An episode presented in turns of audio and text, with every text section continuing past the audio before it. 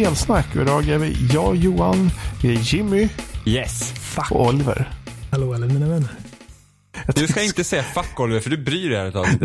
Jag tänkte Jag också det, bryr man mig så beklagade. Så. Fuck you Oliver för att du Jag- säger fuck ditt fuck fuck. Jag Fuck bryr mig fuck fuck fuck. Varenda gång vi startar. Jag tänker inte på det innan vi börjar. Men så fort jag hör Johan göra den här. Va, du lyssnar på avsnitt. tänker jag bara snälla, snälla säg Jimmy sist. Jag bryr mig inte för jag är först. Alltså, alltså, det handlar inte om du ska vara först, det handlar bara om att Jimmy inte ska vara först. Exakt. Det är så jäkla dåligt. Ska vi Bara. Det, är jävlas bara, med, det är bara rent ut sagt dåligt. Ska vi jävlas med Jimmy dubbelt nu då? Är, är du sjuk Jimmy? Nej, det är jag inte. Du är alltid sjuk. det- Ja, beroende på hur man definierar det. Alltså, är vi inte alla lite sjuka? Hela tiden. Somliga mer än andra. Alla människor är ju döende.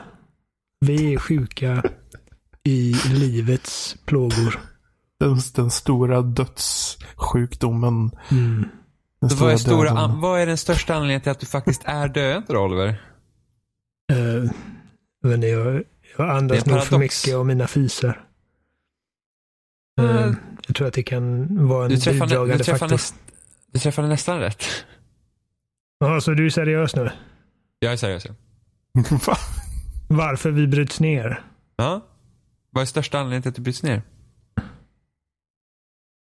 Inte, jag är rädd för att säga någonting som kommer få mig att verka dum i huvudet nu. Så, Vadå, jag kan ju lika bra fel och vara helt dum i huvudet. Eh, jag tror, ja, men jag inte. Säg. Syret. Syret? Syret gör så att du åldras. Jaha. Så Syret gör att vi lever och åldras på samtidigt. Yes. Det är alltså syret som gör att cellerna liksom bara... Ja, det är säkert mer komplext än vad jag får lov att tro, men ja. Och sen så kommer någon, det kanske vi kommer vårt först, typ, första mail sen. Någon bara, hur kan du sprida den här syrefientliga propagandan?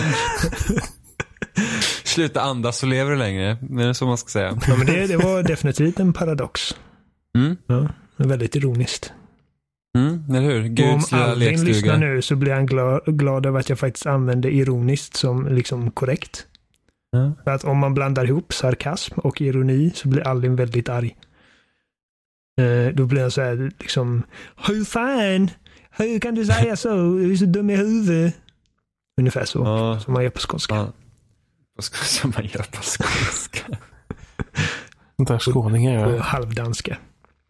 Alltså, ha, ja, riktiga halvdanska alltså. Det gör man inget med. Utlänningar. Hur är läget med alla? Om vi bortser från att alla är sjuka på väg mot döden. Det, det, det är bra. Härligt. Men det är, det är det bästa med att fylla år. Man är ett år närmare den eviga sömnen. Alltså man kan ju säga att varje det- minut är en minut närmare den eviga sömnen. Är. Ja, men nej, fan födelsedagar kan man ju fira. Snart så är det dags. Hoppa i kistan. Ja, Vika igen. Ja.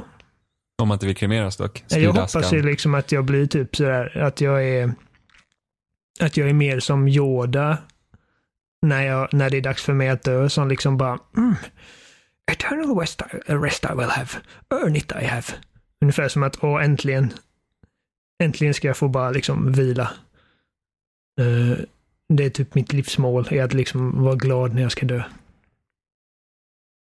Mm, typ som Aragorn, när han dog. I Sagan om ringen, böckerna. Var det samma där? När han var typ så här.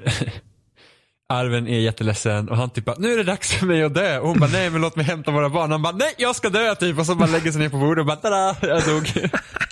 det var, så. ja men, jag, Ord för ord, direkt taget ur Tolkiens verk. han, ja, han bara, yo. I'm dö. dying, bitch. nej. nej, men han, eh, nej men det, var, det är jättebisarrt att läsa den historien. För man var såhär what, vad, vad händer? Så han typ bara lägger sig och dör och typ såhär, ah, nej nu ska jag dö. Hon bara, nej men låt oss samlas typ. Bara, nej jag ska dö typ. Och så dör han.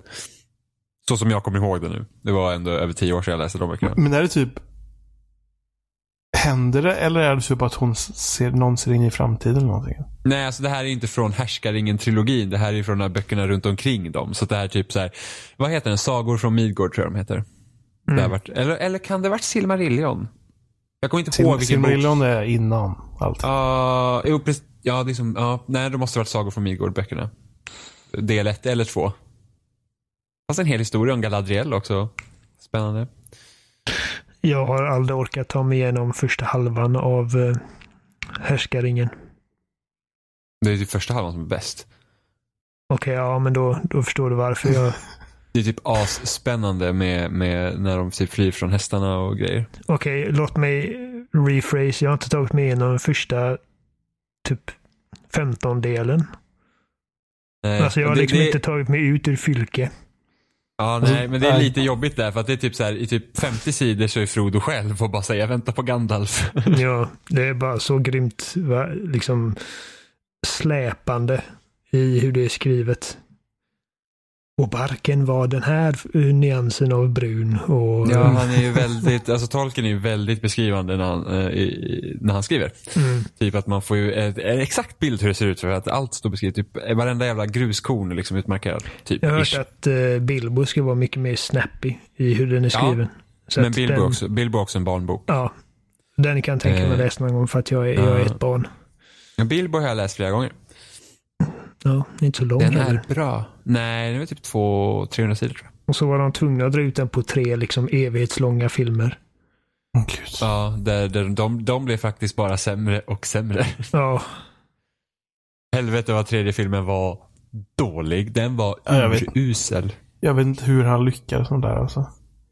Det är synd för att det är liksom, den, den, har, den har en liksom den har en del fina egenskaper också. Jag tycker att Martin Freeman är helt perfekt som Bilbo. Ja, jo. Det, det är ju det som är så... Han är enastående. Och, och alltså Gandalf är ju fortfarande helt fantastisk. Och alltså Martin Freeman och Ian McKellen tillsammans är helt underbara. Och liksom det finns ögonblick där liksom den här fantastiska bara myskänslan från de andra filmerna Eh, tittar igenom. Men sen så liksom är det bara ett hav av bara CGI-piss och typ Usch, nej. Mm, eller videomaterial från GoPro-kameror som blandas med mm. de här mm. riktiga filmkamerorna. Alltså usch, den där vita horken som ser ut som en tv-spelskaraktär. Mm. Jämför det med, vad heter den, Lurtz från eh, första Sagan ringen. Lurts. Lurts. Lurts, jag vet inte. Ja, men Lurts. Är det Urukajan? Ja, precis. Mm. Han ser så jävla han, grizzly. Han som får fucking en jävla pil där i sin axel. Han bara mm -hmm. Men Lurts vi... är säkert en riktig så BDSM-spelare alltså. ja. Han bara Åh, det gör ont. Hans favoritbok är 50 shades of Grey. Uh, I can relate. Vi, vi, pratade, vi pratade på lite hemskheter förut med död och annat trevligt. Du har spelat ett spel, Jimmy. Ja, det där, har jag. Där, där, det är död och andra ja, hemskheter. Du pratade hemskheter och död och du har ja, spelat jag... spel Jimmy. ja, perfekt liksom segway. ja, ja, men det är Jag spelade spel som handlar verkligen om ond, bråd, död, kyla och misär. Ja, det var, ja, det, var ja. det som var tanken. Jajamän. Ja, det, jag tror bara ja. var liksom att, åh, död spel. uh, jag spelade senaste spelet från 11-bit Studios. Uh, samma studio som gjorde This War of Mine. Som släpptes nu för typ fyra år sedan, tror jag. Kontentan uh, eller konsensusen på det spelet var väl liksom att det är ett väldigt intressant koncept och det är liksom väldigt bra i, i typ i omgångar men det är liksom lite rough kanske. Eh, har jag fel? Jag vet inte. Jag har, spelat, jag har inte spelat This War of Mine tillräckligt mycket eh, för okay. att kunna säga det. det. Så This War of Mine var ju, eh, du spelade ju du spelade som civilpersoner i en eh, krigsherrarstad som var under belägring helt enkelt. Eh, och det gällde liksom att överleva, hitta resurser och ta hand om de här människorna som bodde typ i ett hus eller någonting. Mm. Eh, och tanken med det spelet var ju det att de ville ju Alltså de ville ge dig moraliska val utan att säga om det valet du gör är bra eller dåligt. Utan du liksom själv får ju stå liksom som någon eh, Alltså det, du får ju gå efter dina egna moraliska kompasser. Snarare än att spelet bestämmer att det här är bra, det här är dåligt. Ja, och just det. Liksom eh. att här har vi ett spel som är satt, eh, försatt i en krigszon med, där krig spelar en huvudroll. Men du är liksom inte en gubbe med en k-pist som mejar ner massa tyskar och grejer. Du, du är civila personer, så du kan ja. liksom behöva sno mat från andra. Du kan behöva liksom stänga dörren för andra överlevare som vill komma in till dig för att du helt enkelt inte klarar av att ta hand om dem. Eh, så det är sådana moraliska val som det spelet eh, satte dig för. Och Frostpunk fortsätter på den liksom eh, melodin. Men den här gången så är det en, en, en stadssimulator slash överlevnadsspel. Så spelet är satt eh, någon gång eh, under typ höjden av industriella revolutionen. Eh, och av någon anledning så typ bildas en ny istid, ish. Det är snö överallt. Så redan där får ju spelet pluspoäng. Oh, det är snö överallt. Det var ett perfekt Jimmy-spel. Eh, så, då, så det utspelar sig i Storbritannien så att det, det här är alltså eh, Londonbor som man typ spelar som.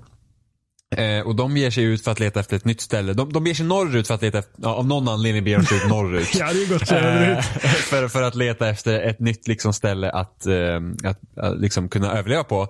Eh, och då hittar de typ någon form av typ dal kan man nästan säga. Eh, och där i mitten så finns det en där ånggenerator. Och där väljer man då att bygga sin stad runt omkring. Eh, och då liksom, det är ju typ ett steampunk-spel så spelet utspelas, eller liksom baseras liksom på ångteknologi. Så du har ju den här ånggeneratorn i mitten och sen så får du bygga liksom hus runt omkring Frostpunk. Jajamän. Ja, oh, vad smart. Så då är så då är liksom du är ju då, alltså, du är ju då den som styr över stan. Så du liksom får ju lägga ut nya byggnader, liksom samla in resurser eh, och se liksom till att befolkningen har det bra. Så det är inte på samma sätt som typ ett City Skylines eller något sånt här att det är liksom kapitalismens eh, guldålder. Liksom, att du, du liksom, det handlar om att generera in pengar och få staden att växa. Här är så här ja, här måste jag samla in resurser för att få människorna att överleva och så måste jag liksom kunna expandera staden för att vi ska kunna överleva bättre och, och liksom eh, få fram ny teknologi och grejer. Men rollen som du spelaren har, det, du är liksom inte en karaktär utan... Jo, det... jag är en karaktär men jag styr inte en karaktär om man säger så. För jag är en karaktär i spelet. Även om det storymässigt inte du är liksom inte en som person. Liksom. Men alltså Men hur, ändå. hur, hur spelar, det är, så, alltså är det liksom det är, en citybuilder? Ja, det är en, ja, det är en citybuilder. Du ser liksom ovanför, mm. du liksom kan se statistik ah, okay. och sådana grejer. Precis, ja. ja. Eh, och sen, eh, så förutom de här resurserna så samlar liksom in kol för att bedriva den här stora generatorn. Eh, du måste samla in mat, du måste se till att man jagar, du samlar in trä, järn, liksom allt för att kunna liksom, eh, eh utveckla en stad. Då. Och sen så bygga workshops så att man liksom kan ha scientists som, eh, som eh, hittar ny teknologi så du kan liksom bli bättre. Eh, så till slut kan man liksom bygga sådana stora eh, robotar som liksom kan ta hand om en del grejer av dig. Eh, förutom att hålla koll på, på, på folket då eh, så måste du även liksom planera för kyla för att liksom vädret skiftar. Det kan komma liksom in snöstormar och, och, och göra så att det blir kallare. Och då, måste, då, kommer, då kommer generatorn behöva ha mer kol för den måste kunna hållas varmare och sådana där grejer. Eh, och blir folket för missnöjt med dig så kommer de skicka ut dig. De bannlyser helt enkelt och då är spelet slut. Och det är jäkligt svårt. Alltså jag har, jag har spelat både normal och easy och då tänker man, men easy, ja man kommer längre men det är fortfarande svårt. Mm. um, och det är så här att folket, de är aldrig nöjda med dig för att det är liksom, du kan ju aldrig liksom göra alla nöjda. Du kan aldrig ge uh, liksom, folk goda levnadsförhållanden. Det nej, men det är så här, man överlever Så här, först, först så här, ja, vi har inga hem så bygger man hus och sen så ska ju de liksom jobba på sina ställen och sen Eftersom den här generatorn i mitten har liksom olika, den, den når inte ut liksom på hela det här området. Så ju längre utifrån du bygger ju kallare kommer det bli. Och då är det så att ja, men ju kallare folket är när de arbetar så blir de sjuka och då måste du liksom ha Då måste du ha tillräckligt mycket med sjukhus. Men det är bara att eh, Människorna får inte barn här för att det utspelar sig inte under en lång tid. Och de måste hitta nya överlevare. Så de måste skicka ut nya grupper eh, runt i området då och undersöka för att få, försöka få nya människor till din stad. Men det är bara att de här människorna kanske är sjuka och skadade så då måste de tas om hand om innan de liksom kan börja arbeta och sådana saker. Det är sånt här så... som gör mig, alltså det gör mig, det ger mig magsår alltså. Alla dessa alla dessa faktorer som man måste tänka på och ha i huvudet hela tiden. Jag spelar inte mycket sådana här spel. Jag har spelat lite SimCity när jag var yngre och jag gillade Jurassic Park, Operation Genesis när det var hett. Och jag har spelat, det senaste jag spelade var ju Aven Colony som är alltså det det är ju en sta, eh, stats, en citybuilder fast det är liksom typ i sci-fi setting i princip. Mm. Och eh, det, det, det, är liksom, jag känner igen mig nu i liksom alla de här faktorerna. Att typ att en grej eh, en grej kan vara liksom det som är absolut nödvändigast just nu. Ungefär som att vi måste ha med generatorer för att få det här sjukhuset att fungera. Men då använder man de resurserna och helt plötsligt så har man inte tillräckligt med resurser för att plantera nya Uh, nya grödor så att nu har vi inte tillräckligt med mat så nu måste vi uh, ha liksom dubbla skift på de uh, åkrar vi har vilket gör att vi inte har lika mycket folk på det stället och då blir alltså åh! Man får ju mardrömmar ja. för fan. Tänk ja, att vara stadsplanera i verkligheten. Ja, och det är liksom så här att det finns liksom en story att följa i spel så vissa scenarion kommer alltid återkomma. så att när man väl förlorar, och det kommer man göra, Eh, så kan man liksom börja planera för det innan. Så det är också så att du lär dig ju, längre, ju mer du spelar och får börja om. Mm. Eh, för att det är så att i början var det verkligen såhär, okej okay, det här är problemet just nu, så löser jag det nu. Då gör jag så här. Oj, det här är problemet just nu, nu löser jag det. Men sen märker man ju längre man spelar att jag har inte planerat för framtiden. Jag löser ju bara problemen när de kommer. Eh, vilket gör att du klarar inte särskilt länge. För att man måste planera långsiktigt. Och när man mm. inte vet spelets olika system så är det svårt att göra det. Eh, men eh, här, du kan också sätta lagar i det här spelet. Du får liksom sätta nya lagar och, och, och människor i staden kan föreslå liksom att okej okay, vi behöver det här, alltså hur skulle en sån här lag se ut? Eh, och ibland så är det så att ja men det här kan vi försöka fixa då och ibland är det så att när jag gör det här nu så kommer vi, vi klarar inte att sätta den här lagen till exempel. Så jag behöver inte lyssna på folket heller. Men lyssnar jag inte på folket så ökar liksom deras illvilja med mig som ledare då. Och blir den för hög så kommer de liksom kicka ut mig. Eh, och liksom det finns så här olika scenarium som att ja, någon gång under spelet så kommer folk bli tillräckligt oense med mig att de, de liksom startar typ en så här riot-grupp. Eh, och då kan jag antingen välja så att ja, jag kan antingen välja så här order och reda, liksom en, en ny inriktning i lagföringen. Eller så kan jag välja med att liksom försöka vänja till deras spiritualitet, liksom att skapa kyrkor och sådana grejer. och oavsett vilken av de här liksom inriktningarna jag väljer, man kan liksom få lite nya byggnader då. Men så här, väljer man order så tänker man, ja men då kan man skicka ut poliser och typ så här spöa upp folk om de blir liksom, eh, liksom out of hand så att säga. Liksom så att bygga fängelser och sådana och liksom vakttorn och grejer. Väljer man å andra sidan liksom den kyrkliga vägen så kan man först, först tänka man, ja, men det här är liksom bra, man kan få upp hopp på ganska snabbt på det sättet. Men sen kan man ändå starta så här riktigt så här religiösa grupper som också går ut och spöar upp folk när de liksom inte gör som man tänker. Men då, då är det liksom så här, då finns det vissa människor, en, en av mina tidiga spelomgångar så var det så här, ja men de kallas the Londoners. Eh, för de ska be sig av och liksom skapa, de, de litar inte på mig tillräckligt mycket så de samlar ihop folk under spelets gång liksom för att ge sig av. Så till slut var ju den siffran uppe i så här, man, man ser liksom hur många som har eh, tytt sig till den här gruppen. Då. Och sen liksom när det börjar, när den här liksom storylinen börjar gå mot sitt slut så var det 138 pers som var med på den här listan och då hade jag kanske totalt 300 pers i liksom min stad. Och jag lät dem liksom ge sig av. Jag tänkte, nej men jag tänker inte ta våld till mig för att de liksom ska stanna. Om de vill gå ut och dö så får de göra det. Men det är bara att när 138 personer försvinner från sin stad, som alla har en ganska viktig roll i liksom hur staden fungerar. För att när man bygger de här olika, eh, vad blir det? Eh, vad heter det nu då? Eh, vad är det engelska ordet? Ja, factory. Fabriker. Tack fabriker, när man, by när man bygger de här fabrikerna så sätter man liksom människor som får arbeta i dem. Mm. Och när en stor portion av eh, människorna försvinner, då försvinner arbetare. Så att då funkar ingenting längre. Så hela mitt samhälle raserade och jag blev utskickad. Då, för att de ja. tror att de klarar sig bättre utan mig. Vilket jag jag Good luck. inte håller med lite. Ja, men det är liksom fuck bara, you guys. Fuck you! Och sen när man, förlor, när man förlorar då så får man så här trycka på knappen så bara I did my best. Och man bara Damn right I did. Jag gjorde fan i mitt bästa och ingen av er förtjänar mitt goda omdöme. Men... Finns det en I did my best-knapp i spelet? Ja, när man förlorar. Ja, så här, det är inte så här typ så här, game over, nu får du börja om. Utan man, man får faktiskt se en cutscene där en stackars liten parvel till människa får bege sig bort från stan, ut i snön. Och så får man trycka på I did my best och sen är spelet slut. Ja, och jag ser framför mig hur Jimmy är den här lilla karaktären som blir utkickad och går mot eh, liksom, den kyliga horisonten och bara hissar långfingret. ja, men typ. Det värsta var ju under en av mina senaste spelomgångar. För att då, då hade det kommit eh, så långt har det inte kommit innan. Men det är så här typ att man kommer till en punkt i spelet. Och visst, det här kan ju ses som en mild spoiler, men liksom, ja, sak samma. Um, det är liksom inte så storytungt. Men det är så att, liksom, man har skickat ut grupper, man kan skicka ut dessa grupper som undersöker omliggande områden då.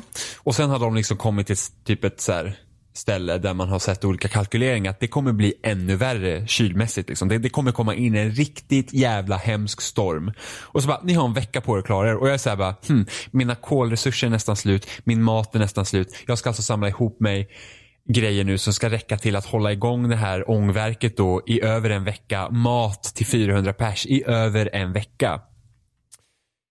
Eh, så det var ju bara så här, ah fuck. Och sen så liksom bara samla ihop allt så mycket som möjligt, bara börja jobba, sätta folk på liksom massa skit i liksom att försöka få ihop järn och sånt. Sätt all, alltså jag byggde typ fem, sex stycken matfabriker och bara pumpa, pumpa, pumpa liksom.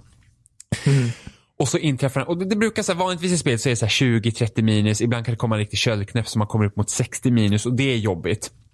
Och då kommer den här stormen in. Alltså man ser också på den här världskartan som man har man kan se de här olika outposts som finns i världen. Så se, det är typ som the long night i Game of Thrones. Man bara ser så här typ att den här isen bara kommer längre ner. Mina outposts som jag har längre ut, liksom samlar in typ mat och kol och sådana grejer som man kan sätta ut.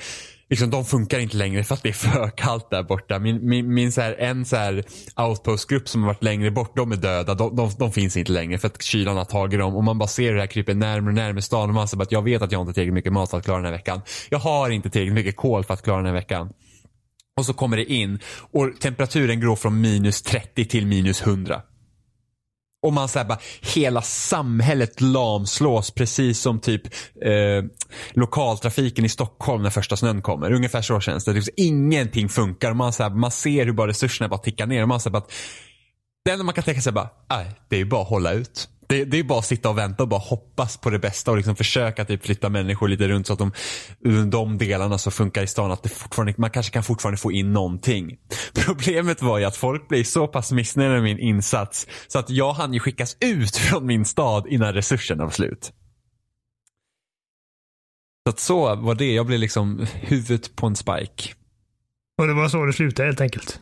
Det var så det slutade för mig, den spelrundan. Sen börjar man om och så får man se så ah, nu, nu vet jag att nu ska jag planera för det här. Så får man liksom bygga om lite annorlunda. Eh, Men, äh, för att du, du gick liksom just bara, ja, och så blev jag utskickad, bla bla bla. Och så ty- tystnade du och jag bara, ja, och sen då? ja men sen är det Och så slut. insåg Alltså, jag jag blev, att okej, det Ja, var jag slutet. jag, jag blev bannlyst, precis. Eh, och så jag fick jag och väntade did, på och så, liksom en fortsättning. jag fick jag trycka där på knappen I did my best. Ja, men det låter Ehm, intressant. Ja men det Det är är sån här väldigt kul intressant. spin på den genren liksom. Ja men just med att det är liksom överlevnadsspel slash eh, byggsimulator. Det är Lite, lite som Surviving Mars men inte lika, det är liksom lättare att komma in i. Surviving Mars eh, var typ så att det var alldeles för många system som var alldeles för krångliga och så spelade det på konsol istället för PC så det var ju redan irritation där. Ehm, men eh, ibland, det att komma till de här olika moraliska valen som de haft sina egna spel som vi helt kom bort från. Var ju det här att man får ofta välja, liksom, varje lag har liksom två sidor. Så till exempel, du kan antingen välja att göra barnarbete lagligt. Eller fixa så här children shelters som gör att eh, man kan hellre lära upp dem att bli workers och engineers så att liksom, de blir bättre på att göra vissa saker.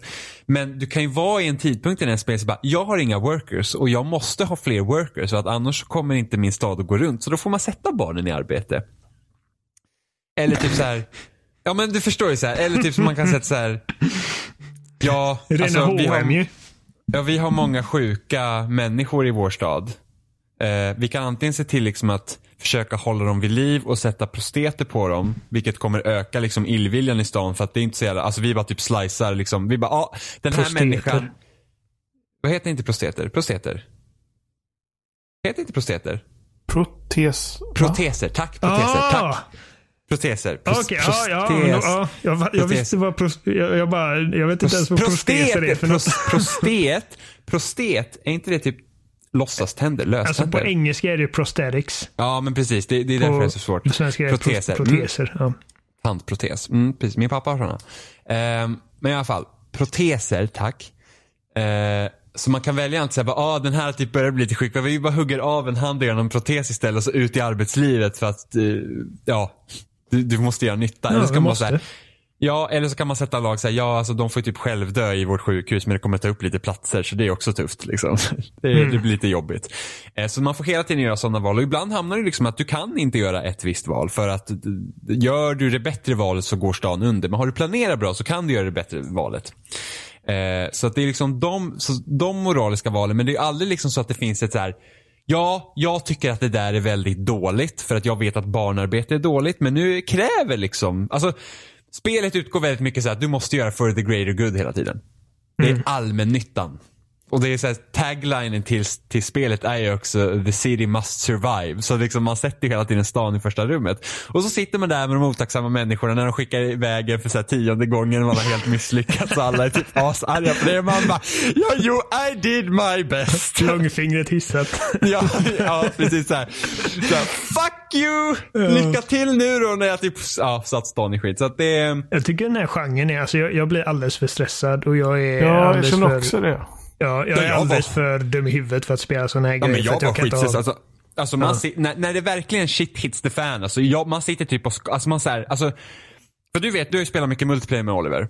Mm. Och det händer ju några gånger när vi typ spelar Ge- Gears, äh, inte, inte så mycket Halo för att du är bättre på det, men typ när vi spelar Gears och man känner sig att motståndet Mm. är så pass bra att man så här, så, du bara, Jimmy vad gör vi nu? Och jag säger, jag har ingen Jag aning. vet inte. Jag, jag har absolut ingen aning om hur vi ska ta oss till för att jag liksom det går inte längre. Jag, jag liksom, och jag brukar ändå vara ganska snabb på att liksom ändra taktik och liksom Ja. kunna kunna liksom vara snabb. Och det, och det händer ibland. Så det händer även typ i Battlefield ibland liksom att laget typ, så här, jag har ingen aning längre. Jag, jag är liksom helt handfallen på vad vi ska göra. Och det händer konstant i, i, i Frostbank. Det är så här, Mm.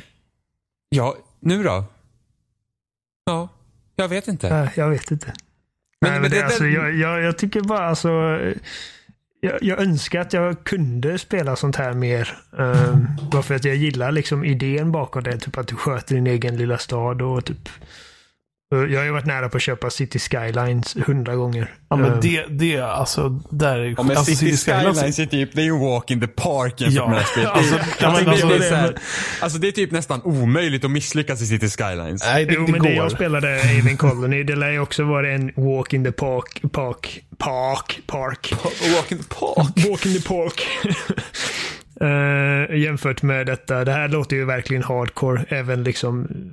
Även på genren. easy! Ja. Nej, så att. Uh, Där får man gå med svansen mellan benen så bara jag satt ner ett easy och tog I ändå. did my best. I did my best. Men jag ser ändå fram emot, eh, jag ser fram emot eh, Jurassic World Evolution nu som kommer i, Ja. eh, i eh, sommar. Ja, det gör jag också. För att, för att då, då handlar det inte lika mycket om att Åh, alla dör om inte du sköter dig. Eller jo, i och för sig, om man inte sköter sig kommer T-rexen ut och käkar upp alla. Men det är liksom inte typ, eh, det är inte lika så här apokalyptiskt och ödesdigert liksom, utan det är mer typ att ja, du ska bara se till att eh, dinosaurierna äter ordentligt. Och, så gillar jag ju dinosaurier också. Mysigt. Aldrig varit riktigt förtjust i dinosaurier. Har alla Coolt. haft en sån typ när det var grabb? Liksom bara. Nej, Jag var helt, Aldrig. alltså helt det är många som har haft Durossi-vänner. Ja, precis. Men jag, jag, var, alltså, jag var liksom barnversionen av Ross. Alltså, jag, jag, liksom, jag satt med de här liksom, encyclopedia-böckerna och kunde liksom stava Pachycephalosaurus innan jag kunde torka med röven. Uh, och liksom, Wow, så alla himla mina, bildligt talat av det där.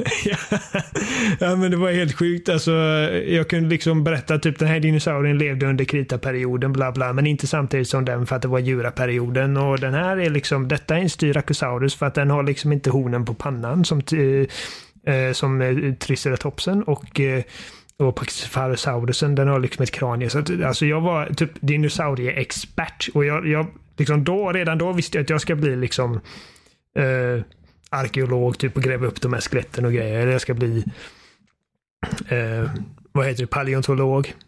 Är det rik- riktiga namnet? Fast det visste jag inte då. Eh, mina föräldrar sa att det var arkeolog.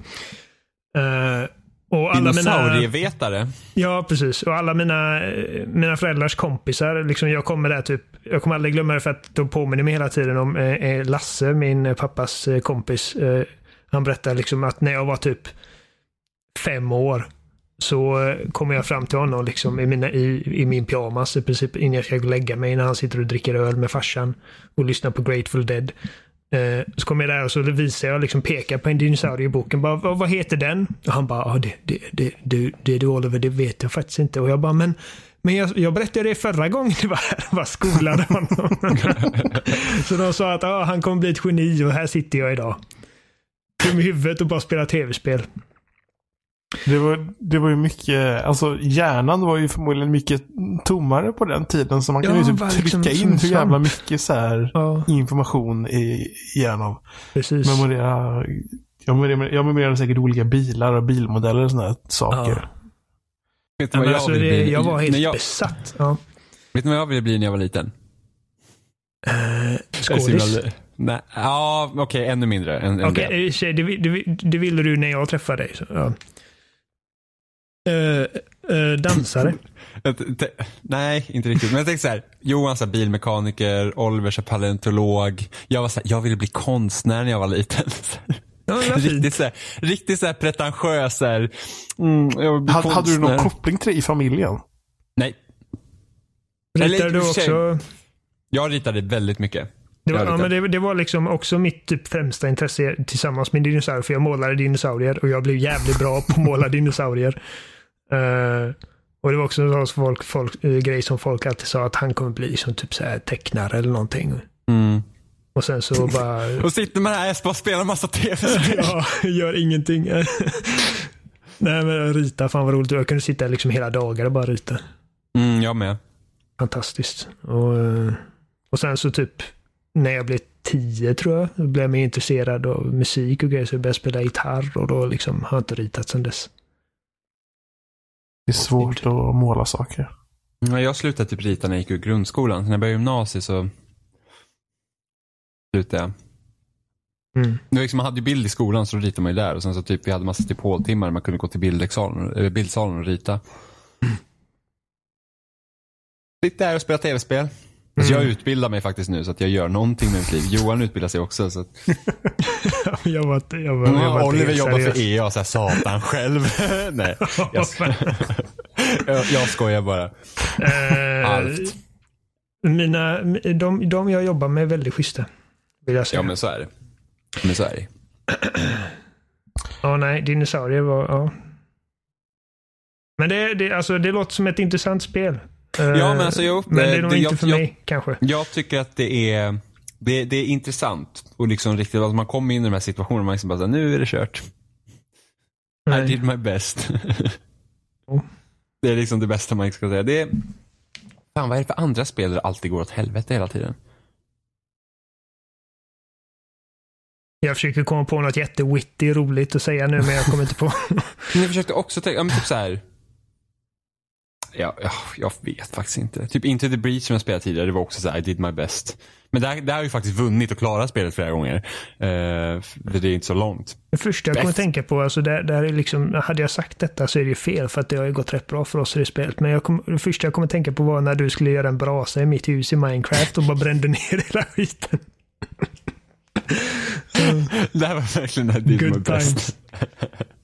det var faktiskt asroligt. Jag, jag var värsta nooben så jag visste liksom ingenting om hur man fixar sånt här och Jimmy var rätt duktig och jag bara Jimmy kan du bara komma in för jag hade liksom spenderat typ två, tre dagar att bygga liksom det här huset som jag var jättestolt över och så så här, Jimmy kan du bara komma in här och visa hur man gör en brasa? Så sitter han där och så bara, nej okej det funkar inte. Så här, eh, och bara, nej okej, det här, ja men vi behöver en flint och så sitter och jag bara tittar upp och så ser jag att elden bara sprider sig och mitt tak försvinner och jag bara Är det det som är den liksom där bilden på Facebook? Ja.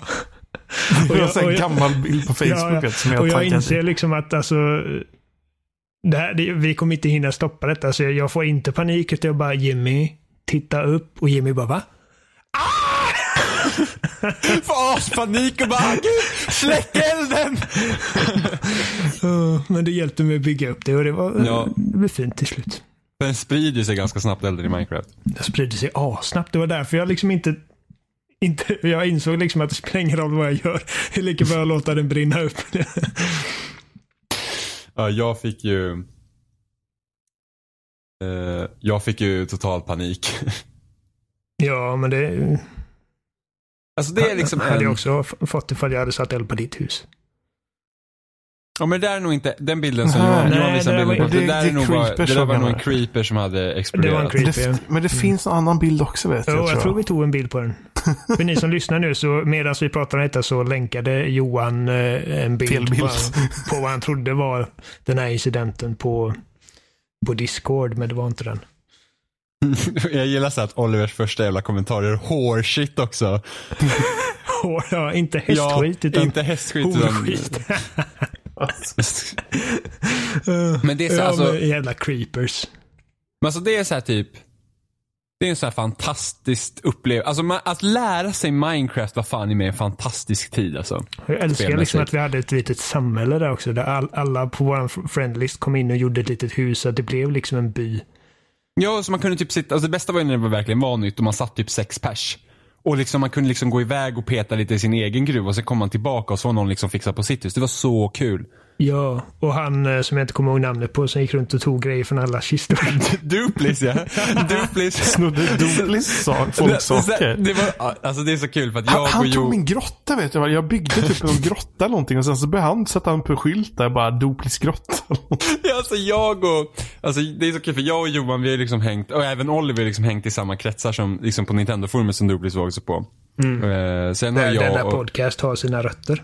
Ja precis och sen jag och Johan vi har varit massa spelträffar så Duplis är med på, som heter Fabian Ja. egentligen. Och Fabian är jättetrevlig liksom att hänga med. Ja, ja. Eh, men det var så kul i Minecraft att det var typ, han liksom, och jag tror inte att han själv inser det, men han liksom gick och kollade. Det Nej. första han gjorde när han typ loggade in var det var att rota i var, han gick till allas hus och kollade deras så här, källare och kollade så här, vad man sa, oh du har diamanter här, mm, vad bra för jag behöver en pickaxe. Åh du har ull här, vad bra för att jag hade behövt ull. Eh, och sen Han var inte riktigt på samma våglängd som oss andra. Det var så, nej, det var så kul för att sen så han gick efter Robin så hade Robin var ute och, och Robin har ju ingen koppling till Nintendo-forumet å andra sidan. Nej. Han, han, är ju, han är ju din gamla kompis. Precis, äh, Det är så vi känner honom genom dig. Robin är min före detta vän. Ja. Nej, men du har ju känt han i ja, evigheter liksom. Robin är liksom min äldsta vän. Mm. Ehm, så, så Robin hade så gått ut och, och minat liksom i gruvan och Dopli ställer sig bakom Robin och fångar upp allt Robin bryter sönder. För att Robin hade ingen mer plats i sitt inventorium. Det var typ diamant, guld, redstone, Ah. allt såhär. Och Dopli bara åh, här kommer rikedomar. Payday. ja, så det var... Alltså jag, jag, blir lite, jag blir lite sugen på att spela Minecraft igen alltså. alltså jag, vi spelade ju faktiskt Minecraft förra våren. Ja. Byggde vidare på ditt mastodontslott. Man borde, man borde lägga kommer lite pengar och så man kan ju hyra en sån där äh, man betalar någon peng väl och så kan man väl kö- ha en sån här server typ. Ja, typ såhär Minecraft. Vad fan ehm, heter det nu då? Det heter någonting. ja. Realms? Ja, något sånt där.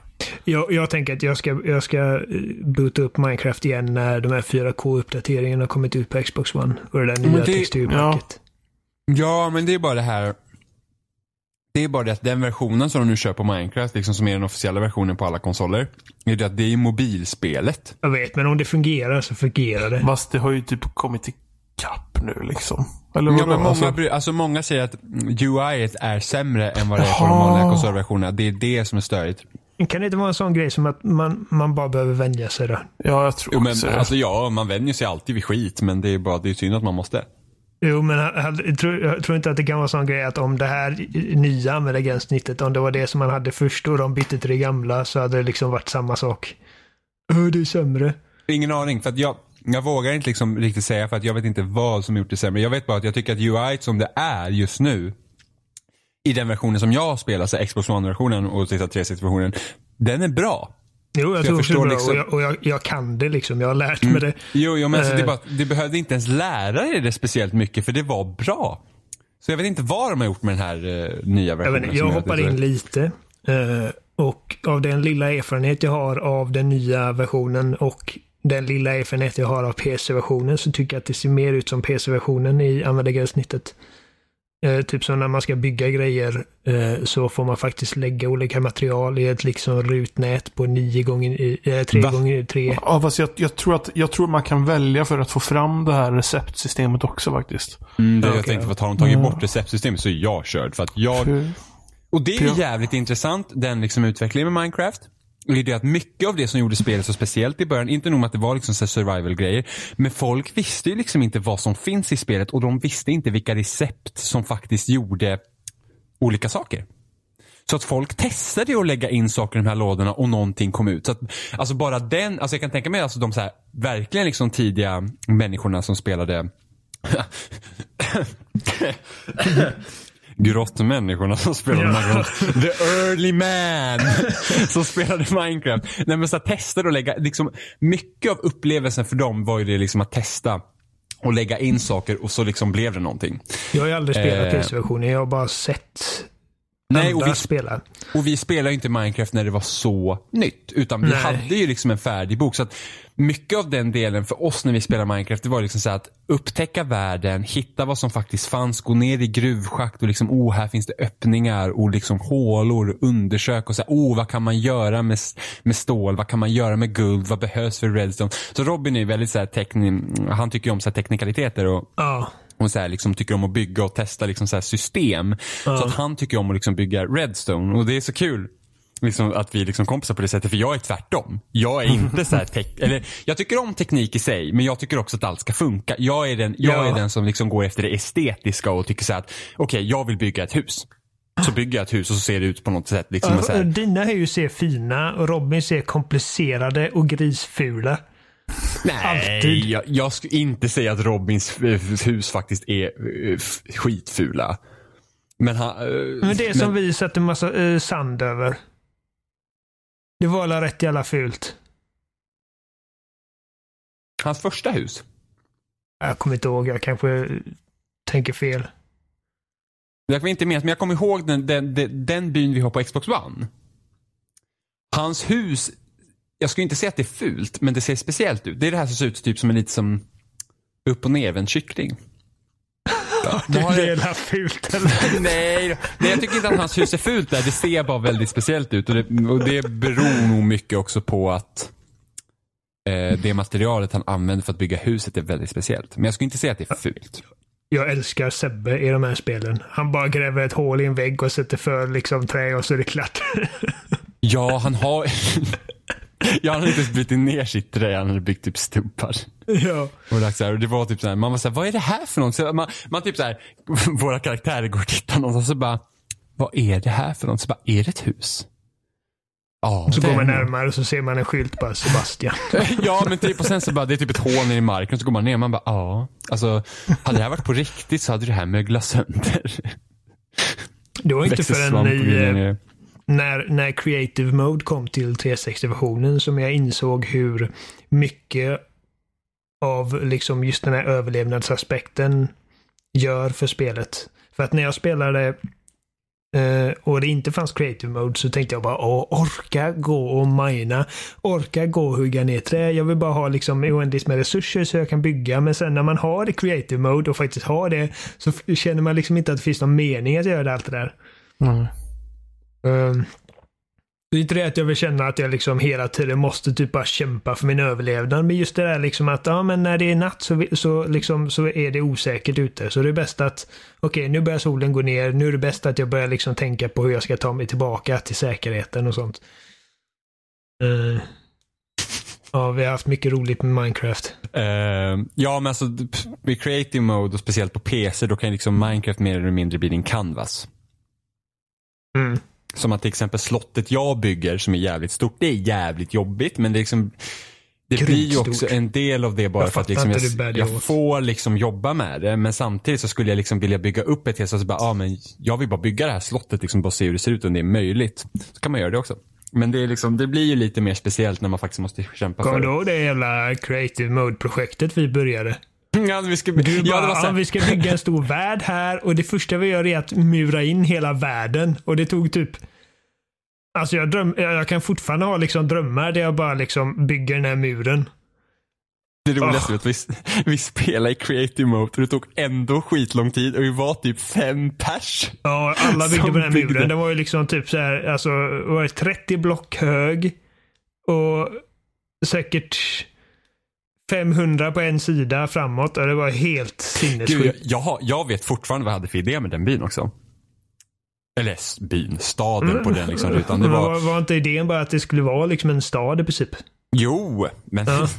jag hade ju planerat. Var- Jag kan ju säga ja, här ska vara en stad och sen så, ja okej, planen är löst. Jag hade, jag hade ju en jättestor idé med nästan. Vi, hade, vi, bygg, vi murade ju in hela liksom, den här eh, plätten. Ja, alltså hela världen. Precis, vi murade in hela världen. Byggde en, byggde en stor mur. Och muren skulle liksom fun, fungera liksom som, som, eh, som liksom en, en, Ram.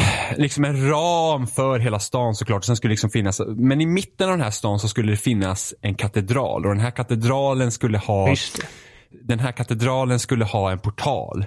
Eh, och portalen, som det fungerar i Minecraft för de som inte vet, är det att man kommer in i the nether.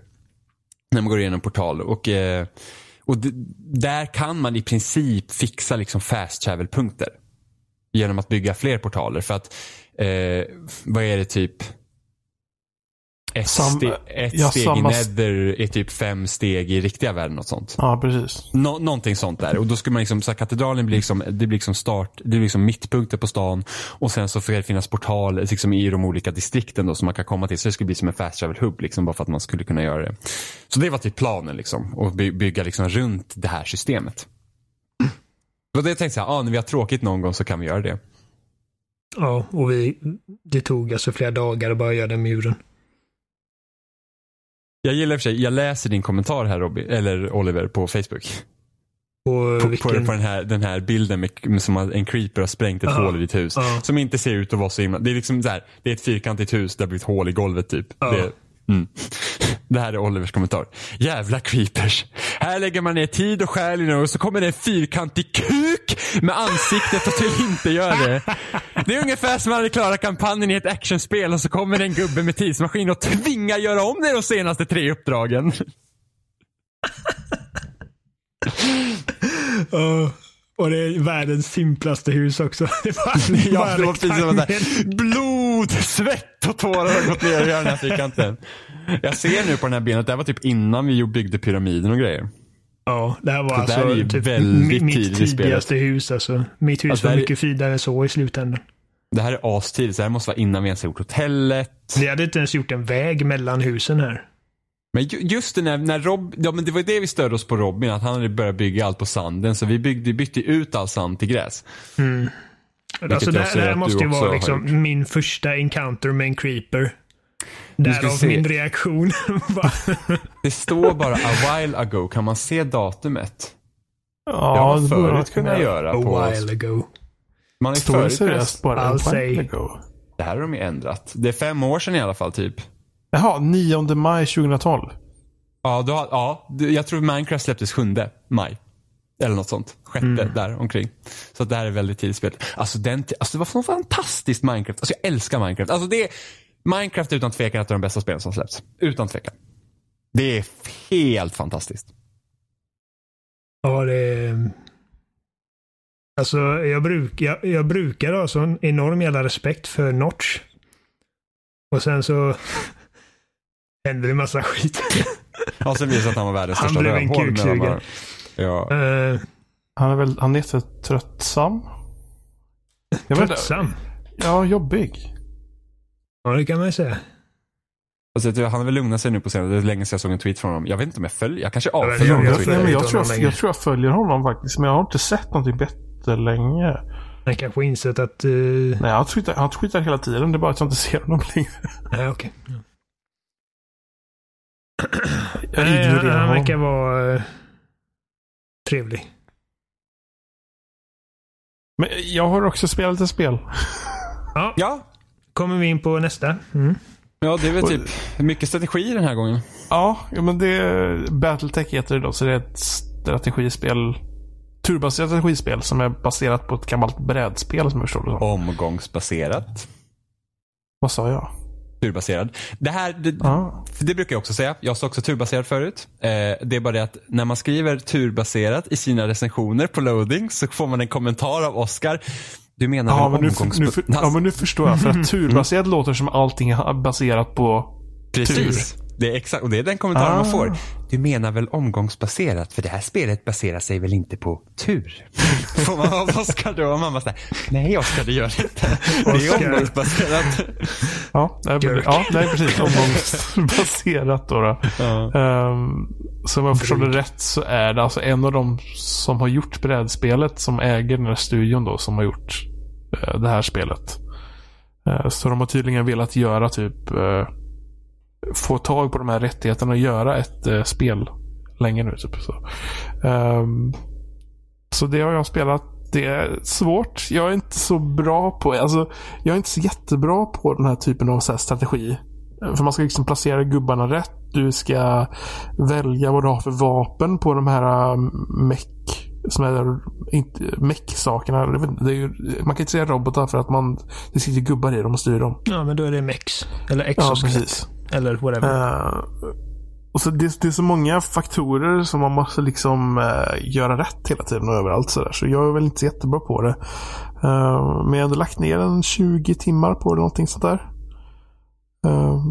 Det, alltså du sa ju det i gruppchatten där, liksom att det, när du väl kommer in i det så är det svårt att lägga ifrån sig det. Ja, jo, men det är lite så. Alltså, men sen har det har lite problem också. Eh, men man får förklara lite hur spelet funkar. Då. Eh, man är en eh, typ legosoldat. Man, man, man leder en liten legosoldatsgrupp typ. Och så plockar man upp olika typer av uppdrag hela tiden, eller så här, kontrakt då eh, för att göra olika saker. Typ så här. Dra till den här planeten för att skydda den här basen. Eller dra till den här planeten för att attackera den här basen. Eller eh, dra till den här planeten för att eh, attackera fiender. Eller så, där. Eh, så man gör olika så- typer av uppdrag. Så då droppas man in i den här världen och så har man fyra stycken mex. Eh, Så du har så- fyra enheter per gång liksom? Mm, ja, precis. Ja, man, har, man har fyra enheter som man kan styra. Medan Mm. fienderna kan vara typ hur många som helst. Vilket kan vara lite jobbigt. Så du kan ha fyra mex och så kan du möta åtta mex. Mm. Ja, Eh, okej. Så, så att det...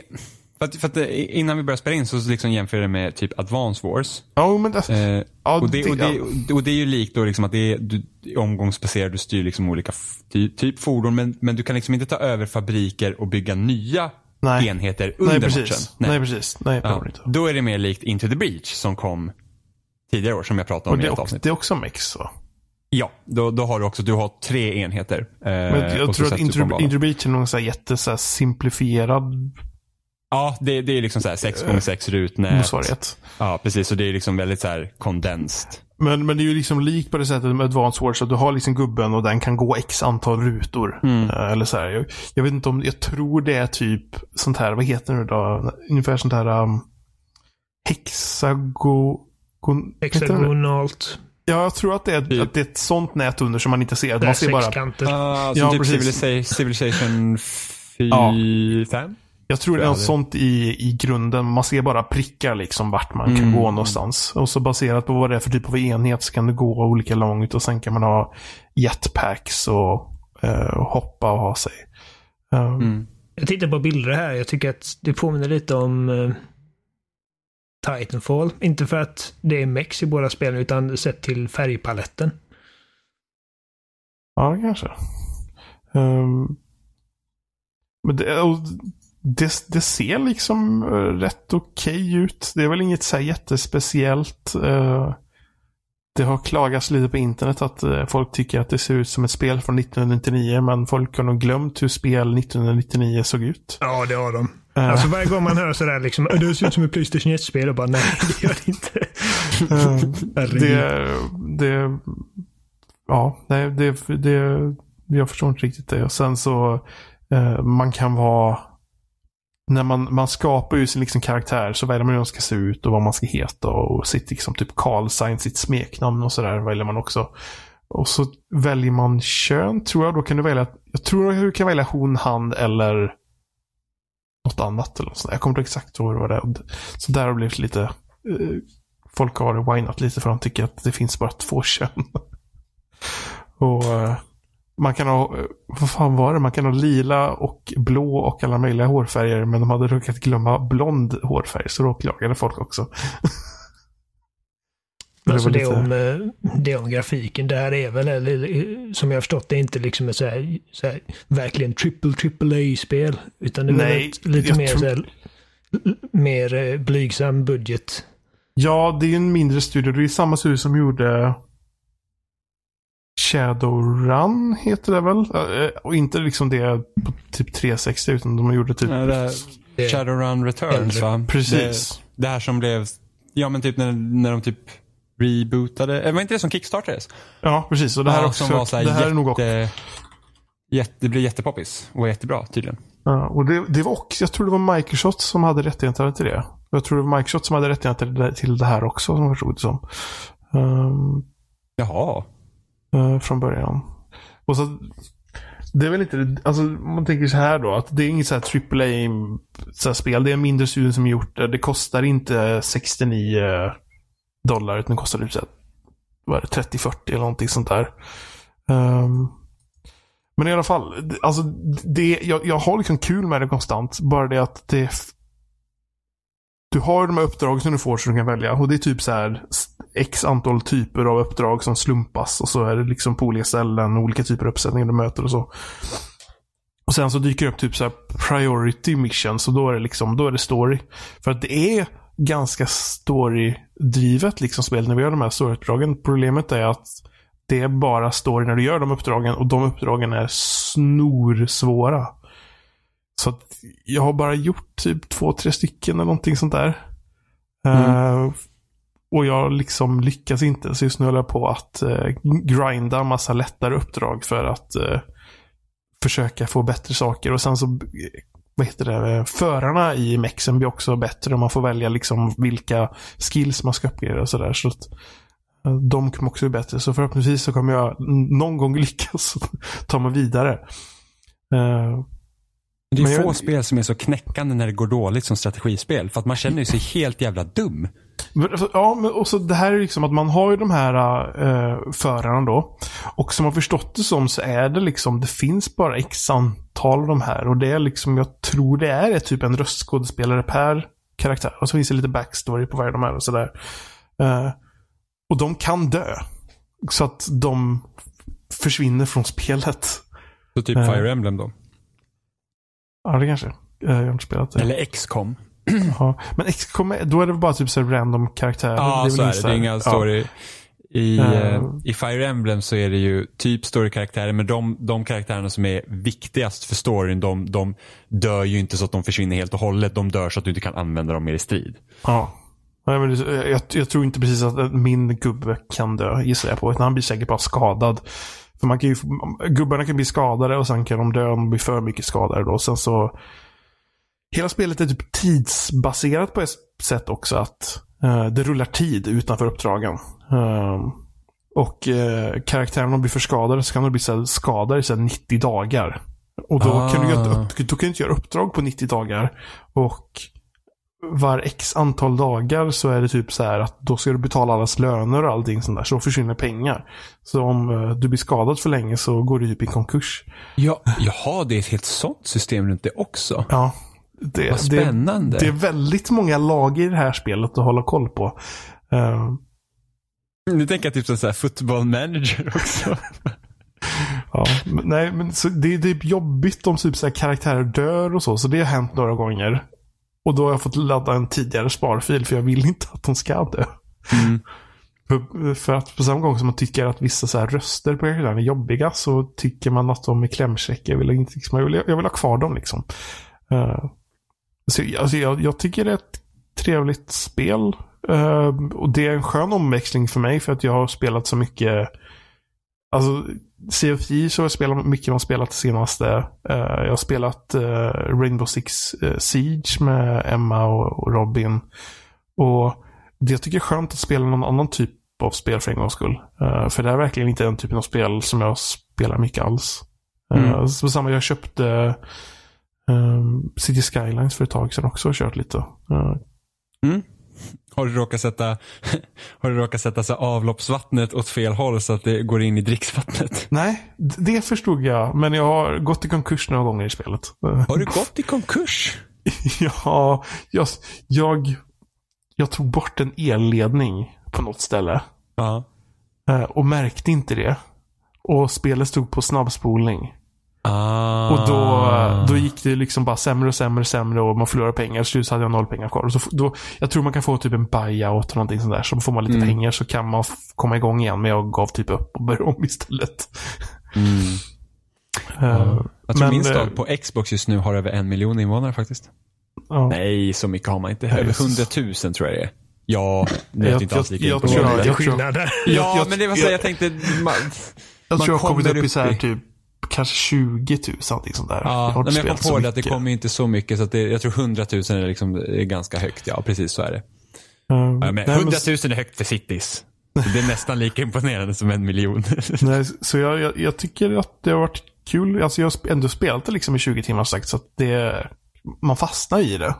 Eh, för att det blir så mycket att hålla koll på och sen så liksom Sen ska man köpa bättre vapen eller så här. Så sitter man och kollar på det och så spolar man fram och så ah, kör ett uppdrag till bara. Och så har man suttit där en stund. Eh, men sen har ju problem också, hela spelet. För att man, det är ju inte som vanliga typ, alltså det är ju, i grunden så funkar det ju typ som ett brädspel liksom så här. Att du, du ser ovanifrån, men du kan flytta kameran och liksom sidled och sådär och så flyttar du gubbarna som du vill. Eh, men sen så blir det typ så här cinematiska bilder när du går till exempel. Eller någonting sådär. Liksom du flyttar gubben från A till B och då blir det så här cinematiskt bild. Att den flyttar ner mot marken och ser lite nedanför och man ser hur stor mecken är. Och, eh, du attackerar en fiende och så in, zoomar in på den fienden och attackerar och så ser du. Och så i det här liksom eh, eh, när den byter kameravinklar så kan jag liksom fastna på eh, den här kameravinkeln när jag skjuter en fiende. Och så sitter den där typ i så här 5, 6, 7 sekunder. Man bara liksom, okej. kan jag få gå vidare och spela nu? Och så kommer du vidare och så får du fortsätta köra. Och sen så attackerar någon fiende dig och så byter du kameravinkel och så fastnar den där igen. Så det är många sådana här det märks att de har lite så här små problem med spelet. Eh, att allting gör inte riktigt som det ska. Eh, och det blir väldigt irriterande för att det är ju ett Eftersom det är ett turbaserat spel så är, innebär det ju lite att du får ju sitta och vänta medans eh, motståndarna liksom gör sina drag. Kan du Eh, inte spola dem då? Nej. Nej, åh, det brukar vara jättevanligt att man kan spola liksom, så att det går snabbare när de gör grejer. Om jag inte har missat det. Får jag säga då. Men jag tror inte det. Eh, så att det, det blir väldigt långsamt. Och lägger du på då de här typ konstiga kameravinklarna som typ så här fastnar. Så blir det lite småjobbigt. Eh, men det är ju sådana saker som, alltså. Jag antar att de kommer liksom pilla med sånt där. Eh, och, Men det är inte early det. access, det är släppt va? Det är släppt. Mm. Men på samma gång, det, det är en mindre, alltså det är ju liksom mindre studio och det är. Ja, så att jo, jag, men bara så att man liksom har... Ja, nej men jag, Okej, det är släppt. Eh, ja, K- kul spel som omväxling. Men jag hoppas att de fixar sådana liksom, såna saker. Eh, och sen så är liksom, alltså, alla uppdragen har en rating på, jag tror det är en till fem så här, dödskallar eller någonting sånt där. Eh, och jag har väl gjort mest uppdrag som är runt en till två eller någonting sånt där. Mm. Eh, el- och jag har vi gjort något uppdrag som är mer och alltså svårighetsgraden liksom. Det känns som att de dödskallarna inte betyder någonting ibland. För ibland så du kör en sån där med två, två dödskallar och så är det typ jätteenkelt. Och det bara rullar på och så bara nice, jag fick pengar, nu går jag inte i konkurs längre. Och så gör man ett till som är två och så går det totalt åt helvete och så dör typ alla och man bara fuck. Sånt, sånt tycker jag är frustrerande. Eh, Det är typ, jag tror det är typ en, en genomgående faktor när jag spelar spel. Att jag tycker inte om när ett spel blir typ så här, helt plötsligt blir det skitsvårt. Jag, alltså om ett spel är typ så här jämnt svårt på ett sätt. Att jag vet Mm. att jag förväntar mig att här kommer det vara svårt. Så förbereder man ju för det. Men när ett spel liksom, om det är enkelt och så det är fortfarande liksom den här typen av uppdrag och så bara och så går allt åt helvete. Det, det tycker inte jag om i spel. Eh, Nej, jag, jag har faktiskt också reflekterat de senaste dagarna. Eh, det här med att jag spelar mest för upplevelsen snarare än utmaningen numera. Alltså utmaning får man typ när man spelar multiplayer. Liksom typ så här när vi spelar Ja. Halo eller Rainbow Six som jag man andra spelare. jag kan tycka det är okej att spel är svåra. Bara liksom, det är så. Alltså att det, det inte är, jag, jag tycker inte om när det är ojämna svårighetsgrader. När du, när du är typ en svårighetsgrad och man förstår att det är på det här sättet, sen så blir det jättesvårt eller att det typ blir lätt och svårt. Så jag vill att man, det ska finnas ett flöde i det på något sätt. Mm. För jag tänkte på alltså, typ JRPG och sådana grejer när man liksom läser vad folk skriver på forum. De bara ah, typ Nino Kuni 2, det var för lätt. Ingen utmaning, så jävla tråkigt. Och man säger, jag spelar inte Nino Kuni 2 för att få någon form av utmaning. Det är så att jag vill inte ens dö på en bossstrid. Alltså, det, kan, det kan typ vara nära att jag dör, men jag ska fan inte dö. Det är typ så jag känner. Det är, så här bara, alltså, det är ett 40 timmar långt spel. Jag behöver liksom inte typ ha något så större hinder på vägen. Jag vill bara klara det typ. I sådana spel känner jag liksom att det, det är lite ta mig fan. Alltså, upplevelsen i ett rollspel är liksom att du ska få rollspela. Liksom. Jo, fast, fast det är ändå många som spelar det först tiden och utmaningar det. Jo, men det, då, då ligger det ju, då är det ju deras eh, liksom Ja men samma typ nu när är jag deras spelar... rätt att spela de spelen Ja. hur de vill givetvis. Ja, Men-. Men, men samma nu när vi spelar God of War.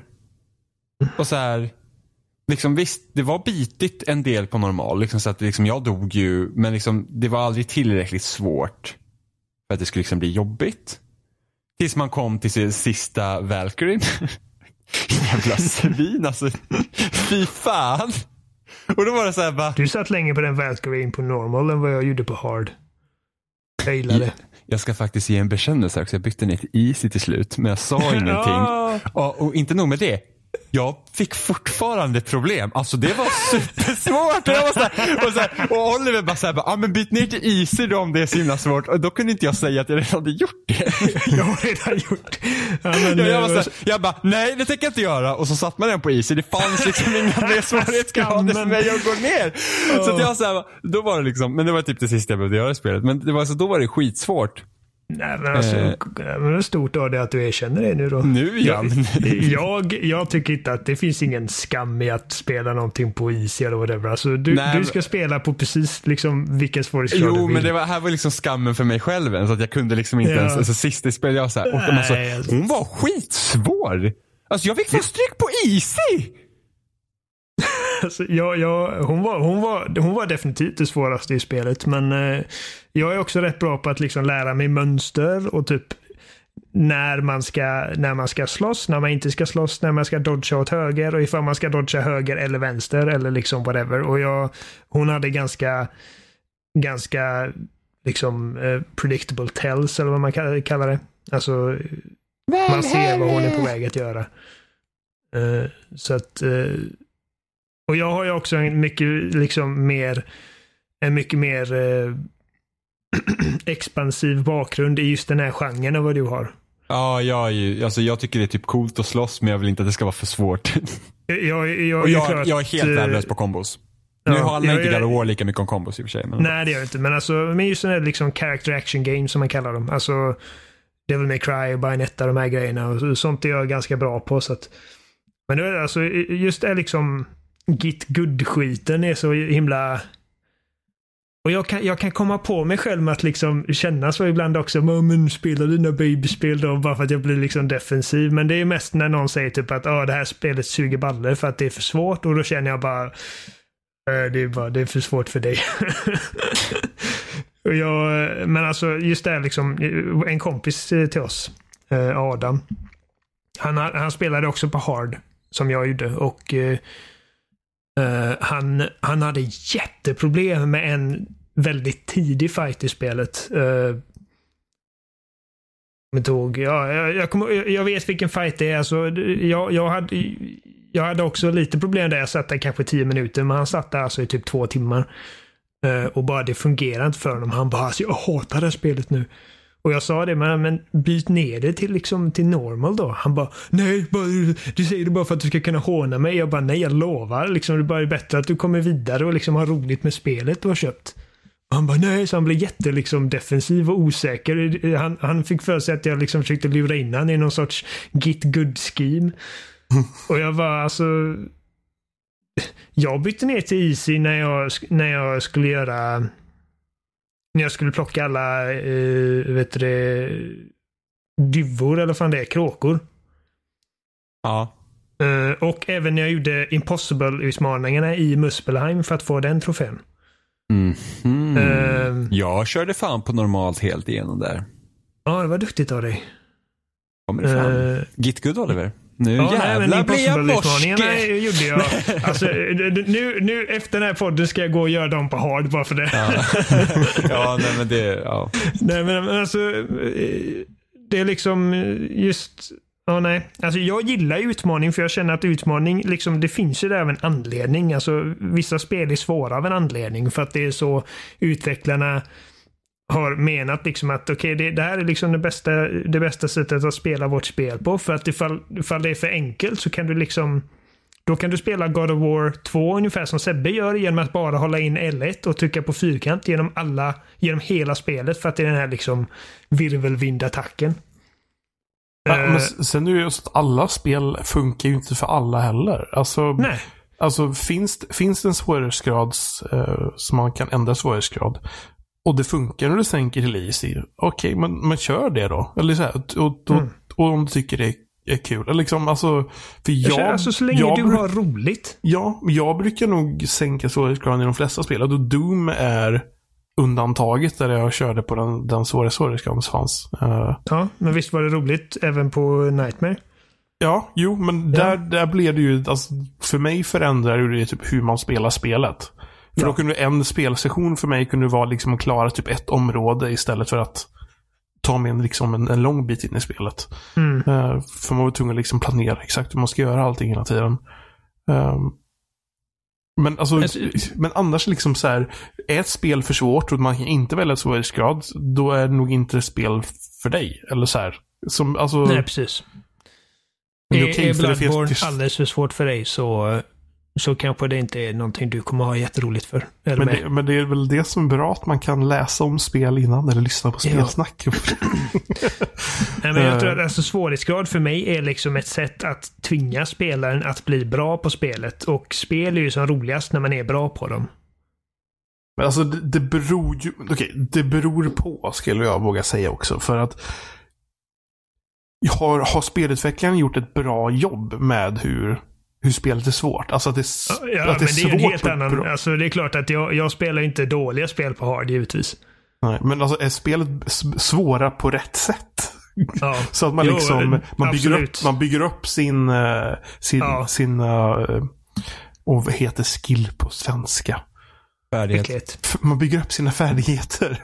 Mm. Uh, och och liksom då funkar det. Men är det bara ja, svårt det för att spelet Det måste ju vara liksom att det ska kännas så... rättvist och att du liksom kan identifiera vad det är som gör det svårt och vad det är du som spelare mm. behöver göra bättre. Så att liksom du kan faktiskt, så att varje gång du dör så är det liksom en, eh, en erfarenhet liksom. En, en, en läxa att implementera i nästa gång du försöker.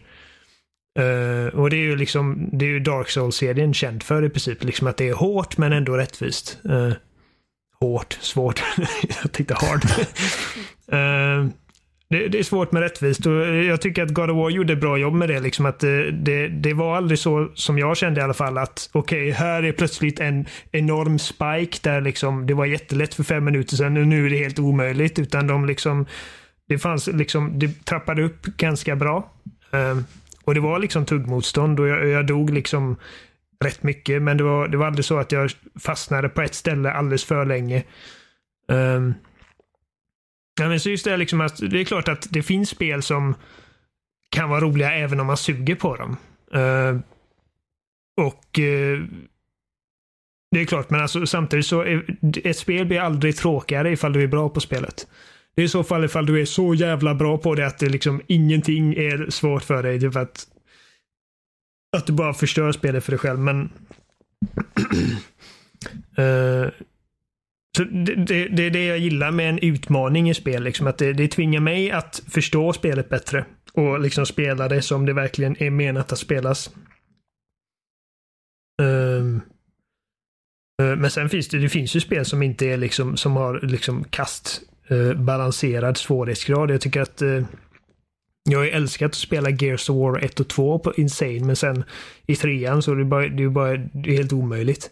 Mm, det funkar inte. Nej, där fick vi liksom i princip fuska oss fram till uh, slutet.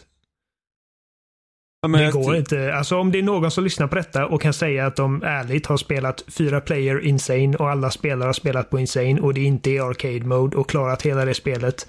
Så skriv in alltså. Ja, hur ni har att... gjort. sista bossen, det går inte. Det, det är fan i mig omöjligt. Vi klarade den här bargen genom att Robin glitchar sig. Ja, men sista bossen, det går inte. Det går Nej. inte.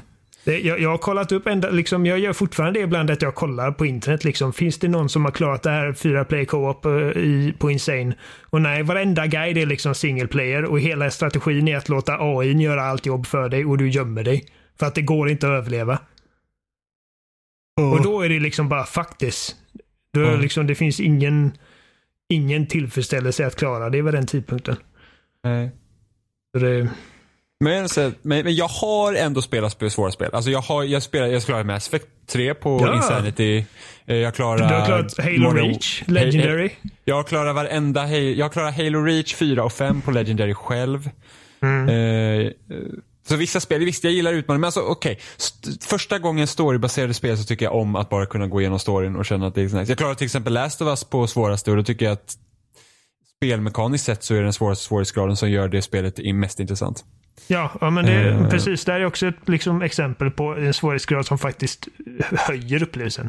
Nu tycker jag i och för sig att Grounded är, jag tycker att Survival är roligare än Grounded för att det blev lite matigt för mig på Grounded. Men jag skulle inte Eh. första gången när man spelar skulle jag inte vilja gå igenom så för, att, för jag sätter storyn Nej. så pass högt vad jag vill när jag spelar. Och det är rätt så ironiskt med tanke på att ofta, storyn i spel oftast inte är bra. Men det, det är typ största anledningen till att jag också spelar spel ibland. För att liksom jag, jag vill ha någonting som driver mig vidare eh, i storyn. Ja, Men en Så story liksom i ett spel. Så huvudsaken är att spelet är roligt att spela. Och då spelar det ingen roll ifall storyn inte är jättebra. Det räcker att den är liksom helt okej för att den ska vara engagerande. Liksom. Ja, att vi, typ som, jag vet att du har varit väldigt engagerad i, liksom, i, i berättelsen i Gears of War-spelen fram till Judgment. ja, Ettan, tvåan och trean i alla ja fall. gud ja. Du Jätte... har ju varit grymt engagerad i. Jag har läst böcker och grejer. Ja, precis. Och de, den berättelsen, när de spelen, det hade ju inte hållit i något annat medium. Utan det håller ju för att det är liksom spel och det är kul. Ja, nej, gud vad dåliga filmer det hade varit. Ja. Lightmares bomb. ja, Så att eh, man har inte samma höga krav på eh, berättelser i spel. Och det är också liksom min enda... Alltså det, är min, det är min teori om varför David Cage får arbeta i den här industrin. Det är för att ribban för berättelser i spel är så låg. Att så fort man har någonting som ens liknar Hollywood liksom så är det bara oh my god. Har, har ni läst om någonsin. den röran också eller? Om Att hans Om- bolag har stämt fransk media. Ja, Just det, för att de har typ gått ut med information om att deras eh, arbetsplats är liksom toxic. ja deras Ja, studieklimat Homofobisk och... Deras studieklimat är riktigt lika med ett rövhål i princip. Och jag älskar att, eh, jag älskar att han, David Cage, gick ut med typ att jag har jobbat med Ellen Page som är, som är lesbisk så att jag är automatiskt inte homofob. Ja, men men hon, hon, ingen visste att hon var lesbisk när det spelet gjordes. Ja, och de, Men- men- modellerade, och de modellerade henne också naken i det spelet. Fast hon Väldigt inte... så här detaljerad fast utan inte typ hennes tillåtelse. Ja. eh, Ja, jag, menar, jag kommer men inte alltså- ihåg, det var Jim Sterling som gjorde en video om det liksom som bara förklarar Men alltså, varför det här ett sånt statumentet är så jävla dumt. Ett sånt inte uttalande är ju typ samma som typ eh, Jag är inte rasist, jag har en kompis som är neger. Typ så här. Så här, ja, men, ja men det är liksom bara liksom Jag är inte homofob, jag känner en som är, är, är bög. Typ, eller så här. Liksom, bara, det funkar inte. Jag har en kompis som är bögjävel. Och det, det gör inte mig någonting att han kommer brinna i helvetet. För att han gillar kuk. Så jag är inte homofob. Jag tror jag får markera det avsnittet som explicit. Alltså, det, det, nu var det jag...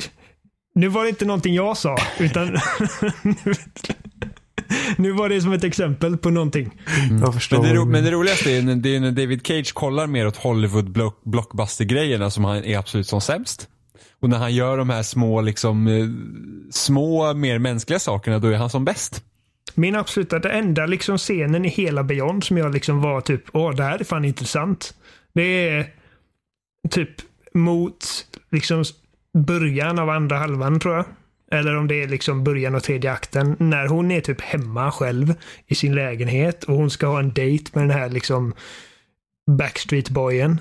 Uh, och uh, hela spel, hela den sektionen liksom går ut på att du ska liksom förbereda en middag och du ska typ bestämma hur du ska, eh, vad du ska ha på dig. Och du liksom, hon hoppas liksom på att få lite liksom rajtan tajtan och närhet av honom den här kvällen. Och liksom hur blir den situationen hur kan den situationen gå åt helvete? Liksom bara med vetskapen om att man, både hon och hennes dejt vet liksom att hon har liksom en typ ett spöke som inte kan lämna hennes sida. Och oavsett vad de gör så har de någon som tittar på henne liksom. Och Det var liksom ett koncept som jag tyckte var intressant. Hur påverkas henne, eh, påverkar den här kvinnans liksom vardag och liksom romantiska liv och hennes privatliv av att liksom ständigt vara fast med typ ett other dimensional väsen som, som kanske inte vill att hon ska eh, göra si eller så. Det, det, då, då, kände jag, okej, okay, men det här är liksom intressant. Men sen så går de från det till bara, åh, jorden håller på att kollapsa på sig själv och det är massa spöken och grejer som kommer äta upp varandra och helt plötsligt så är vi i öknen och några indianer har problem med några demoner och, och, och, nu är vi tillbaka på gatan. Vi är hemlösa och vi ska hjälpa en kvinna föda barn i ett övergivet jävla lägenhetskomplex och, och nu springer vi på taket av ett tåg. Ja, det var vä alltså väldigt märkligt. Alltså, mina favoritstunder i Beyond det var typ så här när när det var mycket så att hon, hon, hon kämpar mycket grejer med att liksom, var, liksom bli lämnad och, och liksom, liksom känna sig ensam. Och liksom, för hon har de här grejerna som inte hon kan styra över och kontrollera. Och hon måste göra saker som hon egentligen inte vill. Och liksom, äh, då, då var det också liksom så små, liksom, sådana små områden gjorde hon jättebra. Uh, men sen så liksom bara så här, och typ sista scenen i Beyond, nu ska inte vi spoila det bara för att det kommer som PS Plus nu, liksom för de som inte har spelat med sista, alltså min sista scen i det spelet, det var ju bara så här, vad i helvete kom det här ifrån? Ja, det är så jävla är dåligt. Det sämsta jävla så här pay per view tv skitfilm. Ja. Bara så här, man ja. bara, hur kan man, alltså, det är ungefär som att säga, men det, det, det är ungefär så här typ att, ja, alltså det så... Vi får inte glömma den här liksom, third person shootern i Afghanistan eller vad fan det är. Ja, men liksom så här typ. Ja, och så här typ. Ah, det. Bara, man går liksom från att vara typ hemlös och föda ett barn och sen är man i nästa scen så är man liksom i Mellanöstern någonstans och skjuter massa bad hombres. Ja, det, det, är så jävla dåligt. Och, och, det är exakt min poäng. Är liksom, du säger det, precis som du sa, det är liksom pay per view tv-seriemanus i princip. Alltså mm. Terranova-dåligt är det. Värre sämre än Terranova. Ja, ännu sämre. Och det är liksom enda anledningen till att det spelet säljer och att folk faktiskt tycker att det är bra är för att det har liksom Hollywood-produktionsvärden och de har liksom en skådis de känner igen. Ellen Page. Det är som alltså hennes senaste film Flatliners liksom utskrattad, utbuad. Liksom, alltså, det är det jag sagt hela tiden. Typ. Hade Beyond varit en film så hade den fan blivit sågad vid fotknölarna. Men bara för att det är ett spel där liksom högsta nivån och även lägsta nivån på liksom berättande är så grymt jävla låg jämfört med andra medier så är det liksom bara, ja men det här är fantastiskt. Bara för att det inte är liksom det är inte som att liksom kräkas och, skita och ha magverk och hela den skiten i spelform. Jag har också spelat något. Mm. Eh, jag hade spelat det redan förra veckan, men vi pratade om God of War och det var det enda jag kunde tänka på. Så att jag hade helt glömt av det, men och nu får jag dåligt samvete för att jag glömde av det, men eh, jag har spelat Yakuza 6. Uh, och jag, jag vet inte om jag ska snacka så jävla länge om det för att nu har vi pratat i en timme och 20 minuter typ. Uh, så bara ta lite snabbt. Uh, det är bra. Tack Oliver. Tack och hej. jag, jag, jag, bara, bara sen i januari har jag spelat både Yakuza Zero och Yakuza Kiwami som är en remake av det första spelet. Så att jag, jag har ju liksom typ seriens liksom tidigaste berättelser. Uh, och, men nu har jag inte spelat tvåan, trean, fyran eller femman. Så att det blir liksom att jag hoppar fram en bra bit. Men det fungerar ändå för att det, det märks liksom att det, du måste inte ha spelat de andra spelen för att förstå vad som händer här. Liksom, utan det, det är en helt ny premiss. Uh, och eh, har du spelat Zero och Kiwami som jag har gjort, eller ja, Zero och ettan då, så, så har du alldeles tillräckligt med liksom, information för att kunna plocka upp detta. Och det, det, var, det var roligt att se för att jag var lite nervös för att jag inte skulle fatta någonting.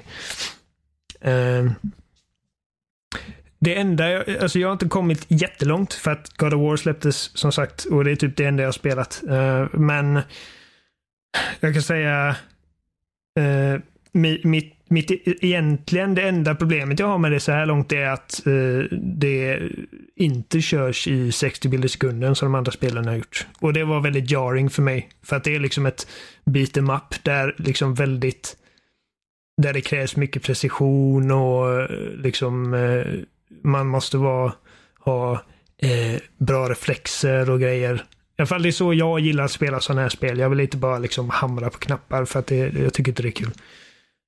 Um, så det tog mig en stund att vänja mig vid att det, det, var, det kördes lite choppy eh, och upplösningen är inte lika bra. Um, och det beror, det beror mest troligt på att det här är liksom det första spelet i serien som jag förstår det som faktiskt är gjort exklusivt för uh, Playstation 4-hårdvaran. Eh, Zero, som är det senaste tror jag, Uh, gjordes ju det är ett Playstation 3-spel som de har släppt även på PS4 så att de hade ju liksom massor av kraft to spare för att liksom höja upp uh, bilduppdatering och grejer. Trade-offen med detta är ju att spelet är liksom snyggare på ett rent tekniskt plan. Kiryu är ju, hans karaktärsmodell är mycket mer uh, eh, detaljrik och då var de även, alltså karaktärsmodellerna var även riktigt snygga förut men det är ännu bättre nu och det är, animationerna är, är snyggare och världen känns mer levande och de har liksom eliminerat i princip alla eh, laddningsskärmar.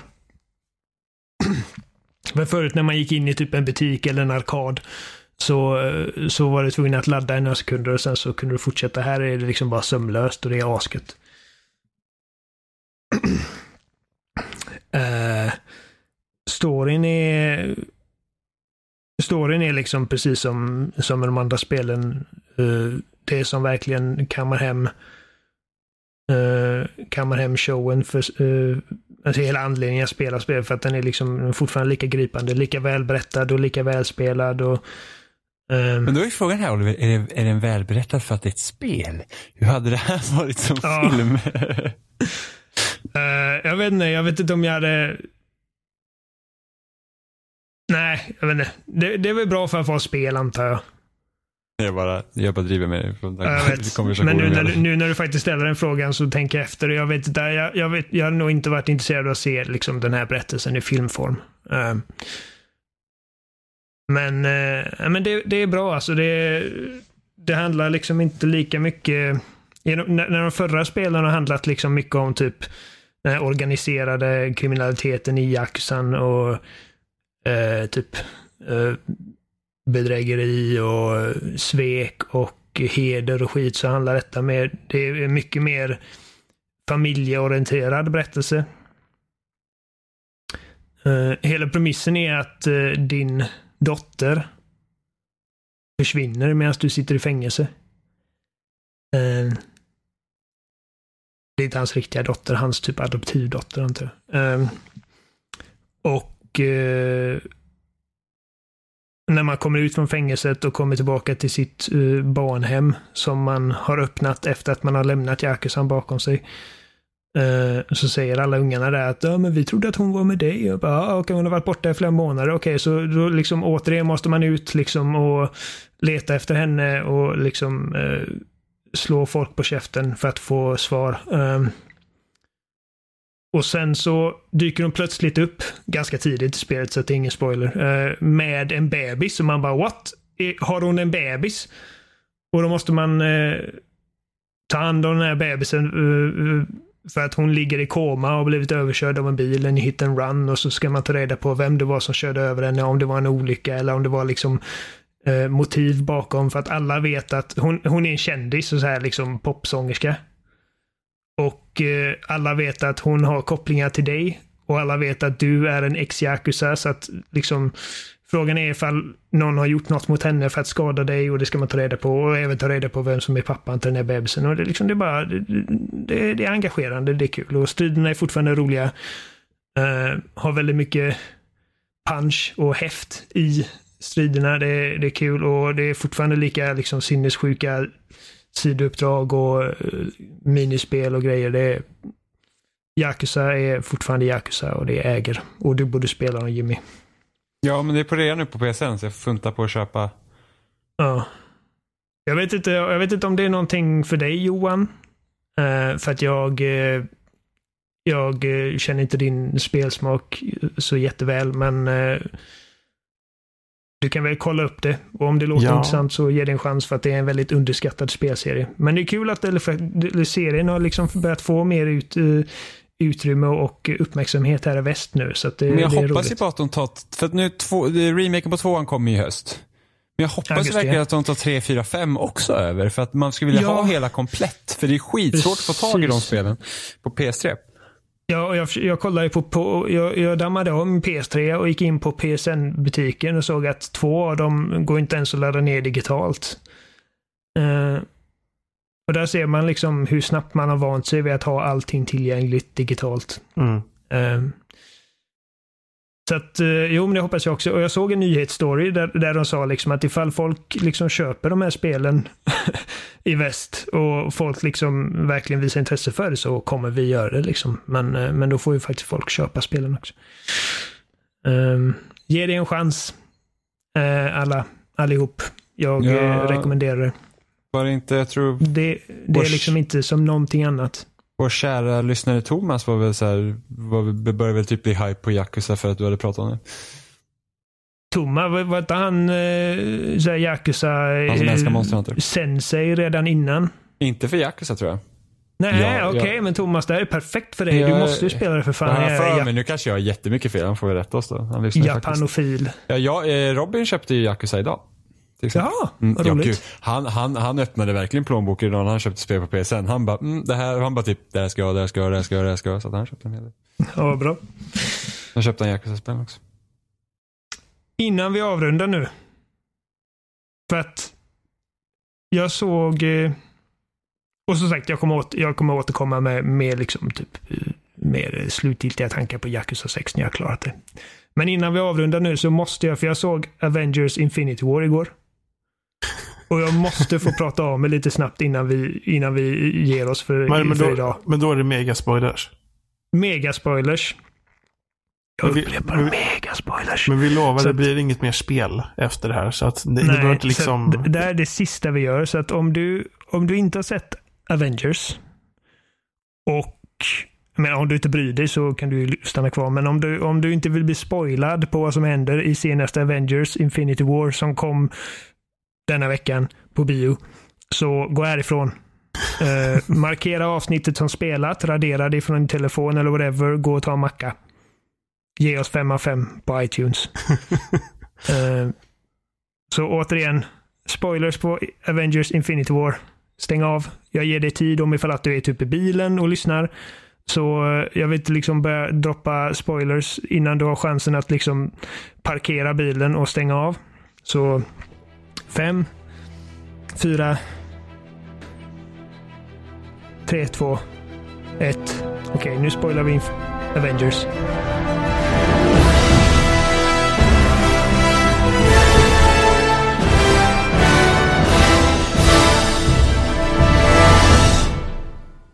ja. Ingen av de som dog är döda. Nej, nej, nej. nej. Alltså, Alla de kommer komma tillbaka. Ja, alltså, men det, det- det, är ju Ja, men det alltså, känns väl självklart. Alltså, det finns ju många, det finns ju bekräftade uppföljare. Precis, det finns bekräftade Ja, filmer det- från och Det är karaktärerna. det här som är problemet, liksom att när man ser typ, hade filmen slutat med att Tony Stark eller, eh, eller Steve Rogers dör, de här som har varit med Mm. liksom längst, Men jag då mig, hade det fått en mycket större impact. jag får mig att det är någon grej också. Att det är väl hans sista film som Cap, tror jag. Nästa är, Det, är det nästa som är det? yes, nästa Ja, nästa Avengers är det, sista. Jag Så att få bekräftat detta. Ja, så, så, så jag antar att liksom, jag tror att de som faktiskt är, eh, riskerar att liksom dö på riktigt, det är ju de som faktiskt inte dog i den här filmen. jag, Ja, tror typ, men jag, jag, tror, jag tror att typ Loke de- till exempel tror jag inte kommer tillbaka. Nej, Vem? Loki. Loki. Ja, nej, han, nej, för att han, han, hans död var ju liksom eh, långt före knäpp, fing, Ja. fingerknäpp. Men när de, när de inte dödade Tony Stark där i slutet, när han liksom, det såg verkligen illa ut. Då var det såhär, okej, ingen kommer ju dö. Den här filmen. han blir impalad, ja. Ja, precis. Och det är liksom så Ja. bara, "Ah, nu ska jag dö. Så bara, okej, men då är det liksom, så att när inte han dog, då var det så här, okej, men nu är det liksom. Då kände jag bara jävlar, okej, det är nu det är dags. Det är nu vi måste säga farväl till Tony Stark. Eh, Men det, Det hade- Och sen Alltså, så var det det alla varit- andra som dog Det istället. hade ju varit en betydligare ballsy move liksom, så att ta inte tillbaka Tor. Alltså när, när, när, när, när, när skeppet liksom där i början, liksom hela Asgard-skeppet liksom förstördes och man trodde att Tor hade dött. Ha inte med Tor med i filmen. Han kunde ha kommit i nästa film. Liksom, då hade man fått tro att Tor var död liksom. Eh, Men alltså, jag- Ja, det, var, alltså, det var roligt också att liksom, äh, äh, äh, vad heter den, Tor Ragnarok slutar med att han och liksom alla Asgardians kommer undan och hela liksom mantrat är typ att uh, Asgard är inte en plats, det är ett folk. Och sen nu- så bara nu dog nästa film alla. alla är döda. ja. hälften. Nej. Jo, Alltså, det hälften var, dog. men, det, ja, men, alltså, men alltså, det var väl det, det skeppet som man var i där. Det var väl det skeppet som när de åkte från Asgard. Jo, jo, men Jo, de det dödade ja. bara hälften. Han dödade bara bara hälften. Ja, men det exploderar Aha. ju. Nej, men typ hälften. Alltså han, han dödade bara halva befolkningen. Fast Det det, liksom var ju, fast, fast det var ju inte... När han var där var det ju inte Nej, nej, för men, att... han, men uh, och alla utrensningar han har gjort så har han bara dödat Okej. hälften av dem han dödar i alla fall. Okej. Ja, jo, ja, det sa de. balansen. Ja, ja, jag tänkte Ja. att det var en sån specifik sak han när Eh. åkte till planeter. Nu var det ju för att leta upp en sten. Ja. Jo, jag vet, men han dödade ändå bara hälften. Okej. Ja. Jag får säga att eh, jag, menar, jag, jag, jag gillar ju Marvel-filmerna överlag så att eh, jag gillade ju även filmen. Jag bara känner att alltså, när, när filmen slutar med att alla de här karaktärerna dör eh, och Thanos liksom kommer tillbaka och han tittar och bara åh, jag lyckades och filmen bara cut to black. Alltså det var jag började, liksom började asgarva. Jag var också den enda som garvade givetvis för att det var en väldigt liksom emotional typ avslutning och jag bara fick liksom det, det, är ju, det är ju en problematik i det här för att de, de, de vill göra vad de vill. Eller så här, liksom Ja. så här, de vill överraska. Bara det att, för oss i alla fall, för oss som är vuxna. För oss som vet så här, typ så här bara att det Men kommer vi som fler vet vad som filmer. händer i showbusiness. Ja, precis. Så vet man att det finns planerade filmer. Och Ja. de vill inte döda de här karaktärerna för de vill göra mer filmer för att tjäna mer pengar. Mm. Så att då kommer de ju tillbaka. Men Men- jag har ju alltid tänkt att, för att jag vet, liksom, jag vet inte mycket om serietidningarna. Så nördig är jag inte. Eh, jag vet att... Jag, jag, jag, jag är nördig. Jag vet att eh, Thanos i princip, han vinner. När, när, när de slåss mot honom. Det, det är vad jag har hört. Eh, liksom att han, han lyckas med, med vad han skulle göra. Så att det räknade jag med lite. Eh, och jag har alltid känt att om det är någon som riskerar att dö så är det ju någon av dem som varit med längst. Liksom, de som har haft liksom tre filmer var och eh, känner att ja, men jag kan inte spela den här karaktären resten av livet. Så jag tänkte att med Spiderman, han har haft en film, vi vet att nästa kommer 2019. Uh, Spiderman är liksom en sinnessjukt populär karaktär. Alltså liksom, bara sett till Marvel-karaktärer finns det väl ingen som är mer känd än Spiderman. Hans död Eh. var ju mest hemsk också. Jag, jag vet. Alltså liksom så här, draman. liksom, den- den, filmen är från 11 år i Sverige. Lika Mm. med sjuåringar får se den filmen. Titanic var från 11 år när den kom också. Ja, men det är problematiken med amer- amerikanska åldersgränser är ju, den här är ju 13. Och i Sverige blir det 11, vilket blir 7. Ja. Ja, men alltså, ja. Jo, men det är alltså, jag tror att 11-åringar, men det, det är ju liksom inte, Ja, det var inte 11 jättetraumatiskt. Nej, men det är fortfarande lite... jag, jag hade älskat den här scenen om jag inte var så jävla säker på att ingen av de här kommer dö. För att alltså, Ja, de, det roliga är att de låter ju alla de här original Avengerserna bara liksom mirakulöst. De, de eh, klarar sig från att bli eh, liksom eliminerade. Thor är kvar, Captain America är kvar, eh, Hulken är kvar, eh, Iron Man är kvar. Eh, alla de kände jag liksom att de kan vara i riskzonen bara för att de har varit med sen liksom i tio år nu. men jag undrar om det betyder att nästa film kommer börja som typ så här lite mer avskalad, typ så här back to basic då. Alltså slutar med att någon... Men Det kommer, ju, det, kommer ju, det kommer ju fortsätta med att de här som faktiskt är kvar kommer ju hitta på, komma på någon plan för att liksom ogöra allting som har gjorts. För att det är ju hela grejen med de här stenarna är att liksom man, de dödar ju Vision. eh, För att liksom förhindra Thanos från att få den stenen. Ja. Och sen så bara tog han sin handske bara Ö, nu är han inte död längre. Han bara är tillbaka liksom- tiden. Ja. Ja, jag men såg de- inte riktigt. Hans handske blir ju CP, den blir ju förstörd. Ja, jag vet inte om han- stenarna blev förstörda. Men han, nej, ingen aning. Men alltså, Captain Marvel kommer ju rädda grejen. Ja, Fast hon ska ha en egen film. Jo, jag ja vet. men den kommer, eh, den kommer två månader innan nästa Avengers kommer. Aha. Ja, för att hon, eh, det var ju den, henne de kallade på i slutet. Eller det var henne som Nick Fury Ja, kallade på i fast, slutet. fast, fast det behöver inte betyda att hon räddar allting. Det kan bara vara en nick på att det är nästa film. Jo, men hon har ju, hon har ju någon sån här tidsgrejs i mojs. Hon kommer ju typ spåra tillbaka. Hon kommer ju sätta ordning på tidslinjen. Jaha. Hon Det är är, det- ju det alltså typ. Marvels kraftfullaste karaktär någonsin i princip. Som jag förstår det. Ja. Hon är ju liksom Superman i princip. Hon, Och kan hon- flyga, hon är superstark, hon kan skjuta laser i händerna. Jo, Eh, hon kommer ju fixa, hon kommer fixa tidslinjen. Det är det. De kommer ju också spåra tillbaka tiden och så får de typ göra om det. Mm. Och det var ju typ, och det var förmodligen det som Doctor Strange såg. Ja. Att enda chansen för dem att få tag i Captain Marvel var ju typ alla skulle utrotas. Alltså de måste misslyckas för att komma till den punkten. Men de behövde typ också hålla ut striden mot Thanos en viss tid för att det skulle Till, gå. till ett visst läge typ. Ja. Jag tycker om dramat som uppstår när man eliminerar hälften av liksom alla planeters befolkning och när, när, liksom, när Spiderman i princip förvandlas till en liten unge och bara säger typ att Mr Stark jag vill inte dö, jag vill inte dö och börjar gråta och jag bara alltså jag tyckte så jävla synd om han. Uh, det var liksom, jag tycker att det var effektivt men det förstörs ju av att liksom filmen, de vill ju liksom att när vi går ut ur bion så ska vi känna jävlar. Det där var liksom det var hur många som helst som dog. De ville att vi skulle känna oss uppgivna liksom. Ja, men det, alltså, det beror ju på hur man reflekterar över det. För att jag reflekterar så här, typ så här sakligt och liksom så här. Jag vet så här logiskt, va, det kommer mer så det är ingen fara. Det kommer liksom. Jag tänker redan när jag ser den här scenen, tänker jag på det här. Liksom. Det finns redan bekräftade filmer. Det här betyder typ ingenting än. Så även fast jag gillade scenen på ett sätt, liksom hela den grejen, för att det var liksom inte så här standard. eh, så ja. så blev det att Det är man vet om problemet det. med att liksom, i filmindustrin så är det ju, alltså, det är ju helt tvärt emot spelindustrin där det är sån jävla hemlighetsmakeri med vad som är i produktion eller inte. Men ifall vi skulle gå till 343 nu och säga, fråga är Halo 6 under utveckling så hade de sagt vi kan inte säga någonting. Fastän att alla på hela planeten vet att Halo 6 är under utvecklingen. Mm. För att liksom det, det, det finns inte en verklighet där det inte är under utveckling.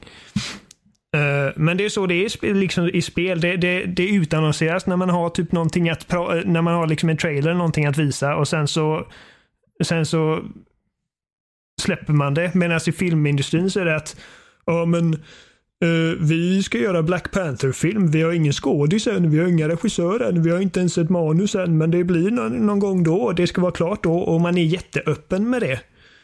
Eh, och det är liksom i teorin är det inga problem, men det blir ju ett, pro- ett problem när man liksom försöker göra eh, en grej som Marvel och faktiskt bygga liksom ett universum där alla filmer påverkar varandra och hänger ihop. För att då vet jag liksom när de tar bort liksom alla de här nyare hjältarna som vi vet har liksom eh, potential att bli ännu fler filmer i framtiden som Guardians som vi vet att det, det James Gunn håller på att skriva på Guardians 3. Eh, Spiderman, den är också bekräftad, den har till och med ett releasedatum. Eh, den har ingen poster men den har ett releasedatum. Och eh, vi vet att det kommer förmodligen- bli en Black Panther 2 också. Med tanke på hur jävla enorm den filmen blev. Mm. Eh, så att, att man liksom dödar av alla de här liksom nyare karaktärerna i Avengers, Avengers-gänget. Men låter alla som har varit med från början vara kvar. Det bara känns så falskt liksom. Jo, det bara, men- jag, men jag, bara, väl jag det vet att- att... Det är väl det att de, de vill göra en sån här omtumlande grej, bara det att de kan egentligen inte göra det. Så då löser de det genom att tiden spolas tillbaka och allt blir of- Ja. liksom som vanligt igen. Så att jag Men jag, jag sa det till min flickvän innan vi satte oss, liksom att det, den, den, det jag verkligen vill ha med den här filmen är att det ska kännas som att nu står faktiskt saker på spel. Att jag vill att det ska kännas som att folk kan faktiskt dö. Jag vill att det ska kännas som att det finns konsekvenser. För att det är någonting som varit rätt tråkigt med Marvel-filmerna hittills. Är liksom att det är, ingen dör någonsin.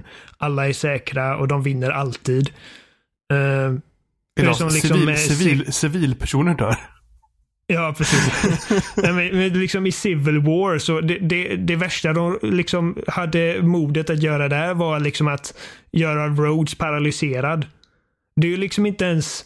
Men han kan fortfarande köra dräkten för att det är ju den Ja, han är ju kompis med Tony Stark för att, för att han kan bara ge honom så här benproteser som gör honom ännu bättre än vad han var när han inte hade proteser i princip.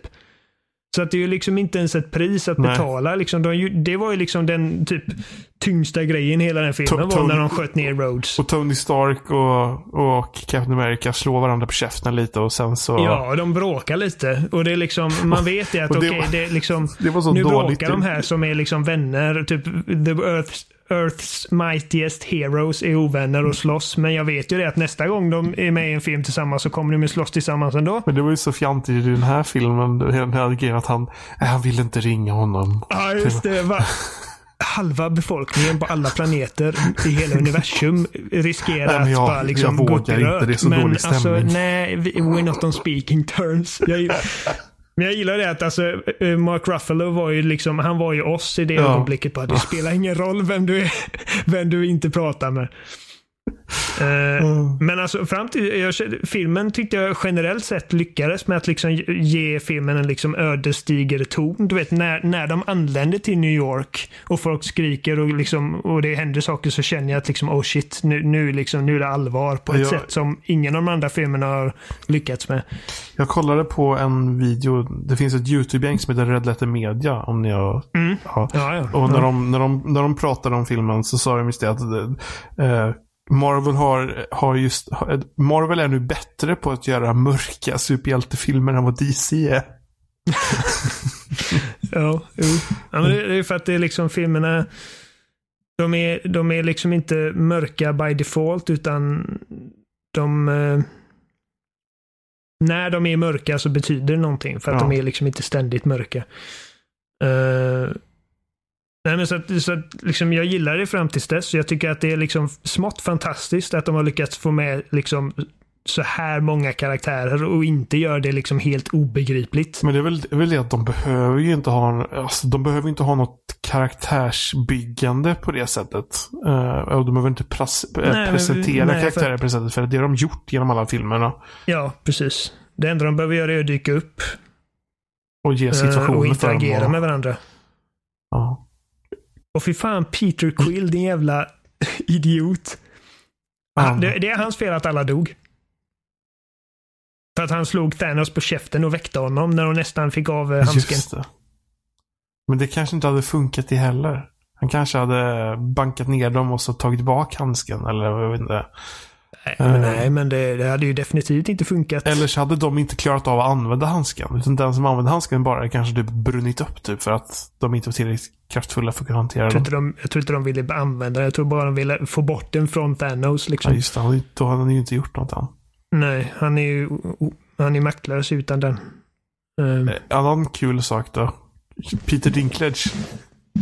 Ja, han spelar liksom världens största dvärg. En liksom, jättedvärg. what the fuck? Jag tyckte det var så roligt. Jag tycker Ja. att hans insats i den här filmen var faktiskt rätt jävla kass. Ja, det var horribelt. Ja, det var Alltså, alltså, Det var typ, alltså, han bytte ju typ, han bytte ju typ eh, dialekt mitt i också. Alltså, åh. Ja, Men det var ju han- typ han var bara så här, spela, eller liksom, det var, det var ju så här liksom han- sättet han pratar man, oh, alltså, det ska vara liksom, det, det blir så fjantigt. Han var inte bra. Ehm, Men jag tyckte ändå det var liksom roligt att vi har liksom en, en, en riktig dvärg som spelar en fantasidvärg som råkar vara en jätte. Ja, det var, Det var kul. det var konstigt och kul. Nej, men det är alltså... Eh, jag gillar filmen överlag. Jag, jag känner att... Eh, Alltså de, de gör ju bra, alltså liksom den här popcorn liksom. Alltså, Mm. det, det, det är inte så här filmhist... Alltså det är inte filmhistoria på något. Alltså det är ingenting som... Oh, jo, men det är det. Alltså, det, alltså, det, ingen, ingenting har någonsin gjorts av den här magnituden, alltså Ja, den här fast- storleken Ja, förut. jo, på det sättet kanske. Men alltså, På jag, det sättet. Alltså, jag Ja. förstår vad du menar. Ja. Men alltså, sett till liksom produktionen av den här filmen. Tänk vad många jävla inblandade är denna. tänk, Hur många liksom... tänk, bara olika- lön, tänk bara lönerna på de här skådespelarna. Ja, gud. Och liksom att man ska liksom skriva in alla de här karaktärerna. Alltså jag kan inte ens... Jag, jag blir snurrig bara jag tänker på hur mycket jobb som måste ha gått in i den här filmen. Ehm. Men, så, alltså, jag vet inte, jag, jag, jag känner bara liksom, alltså ifall de Men jag, Som sagt, jag, jag sa det när vi satte oss i biografen, liksom, att nu, nu måste någon fan dö liksom. Och Ja, liksom ja, aldrig jag- komma tillbaka. jag är ju för mig att du bryr dig, så inte mycket, du bryr dig inte så mycket om de här filmerna. Jimmy. Nej. Nej. Nej, Jimmy, jag nej. tycker att de flesta filmerna är ganska dåliga. Ja. Eh, Vad- jag, vad- tyck, jag tyckte om den här filmen. ja. Jag tyckte var att de, de lyckades liksom ta det bästa av det jag tycker om med Marvel-filmer. Alltså, många av skämten var ganska spot on och jag känner att det här är liksom första gången man kände att karaktärerna var i någon form av fara eftersom man inte Ja. riktigt visste vad som skulle hända eftersom nu har de hållit på så länge, kontrakt Mm. går ut sådana grejer så att det kan faktiskt vara farligt för dem. Eh, så att, eh, och liksom hur de lyckades blanda alla de här superhjältarna tillsammans och få dem att funka med varandra var jättebra. Alltså till och med, jag tyckte typ att Doctor Strange var astråkig i sin film och jag var såhär bara össa drygpelle och sen jag tyckte han var skitrolig i den här filmen, fungerar jättebra liksom. Men jag, jag tänker bara på en sån sak för att... ehm, för, vad- heter han som gjort uh, Guardians-filmerna? James Gunn. Ja, för jag menar, det är ju liksom sättet han har skrivit de filmerna i kombination med skådespelarna såklart som har gjort dem liksom roliga och... I sina egna. Ja, Mm. men de funkade ju här också. Liksom. Mm. Så de, alltså att bara en sak som att skriva den här filmen Ja, och få rätt typ helt- av skämt, rätt typ att liksom hur de beter sig och allting. Alltså att, vilken mastodontuppgift alltså. Alltså jag, allt som Guardians för mig var typ asbra. Ja. liksom Tor kallar Rocket för Rabbit och så här. Och så bara, oh, The Pirate Angel. Äh, det, var, det var sjukt kul. Sjukt kul. Alltså det var ju så, Ja, alltså, tyck- det var så många i bion som bara skrattade rakt ut liksom. Ja, ja, det var skratt hela tiden. Och det kändes liksom inte malplacerat. Marvel har varit generellt sett bra på skämten tycker jag. Uh, och det funkar riktigt bra här. Och jag, jag tycker att det, jag var rätt nöjd med liksom för jag, jag inser ju liksom att alla de här karaktärerna kommer inte vara tillsammans och göra exakt samma sak hela tiden, för det går inte. Utan det är ju liksom, de är ju på olika håll och gör olika grejer och jag tycker att kombinationen av de olika karaktärerna tycker jag funkar jättebra. Uh, som Thor och Rocket och Groot på, på sin grej. Och sen har vi ju Captain eh, America och eh, vad heter hon? Eh, Black Widow och de nere på marken i kriget. Eh, och eh, Iron Man och Strange och Spiderman och, de, och eh, Guardians på eh, mot Thanos där. ja, de, gjorde, Eh. de gjorde väl bra på det sättet att alla, in, alla var inte på samma ställe. Mm. Det hade inte funkat så bra tror jag. Nej, och det är liksom ingen av de här, jag tycker inte att någon av de här sub, subplotterna var liksom så här jättetråkig heller, utan jag tycker att det var liksom spännande på det enda, det- jag kände att eh, Tors nya vapen var jag inte så där jätteinvesterad i kanske. Eh, Hela Peter- Dinklage-grejen. ja, hela Peter Dinklage-grejen, det, det var väl, jag kände var lågvattenmärket. Även om jag som sagt tycker att det är roligt att han är liksom en stor dvärg. Eh, men överlag, och jag, och jag tänkte på det Jimmy, liksom, att jag kände ju hela tiden liksom, att nu känns det faktiskt som att liksom, de här karaktärerna, det är inte säkert att eh, de överlever detta. Och jag älskar ju liksom idén med att den här stora skurken som vi har, vi har liksom fått hints om sen första Avengers faktiskt kommer och vinner. Avengers förlorar. Och hela den här idén om att liksom människor liksom bara försvinner runt om på hela världen och typ bilar kör in i väggar. Eh, helikoptrar kraschar in i byggnader för att piloten bara liksom inte finns längre.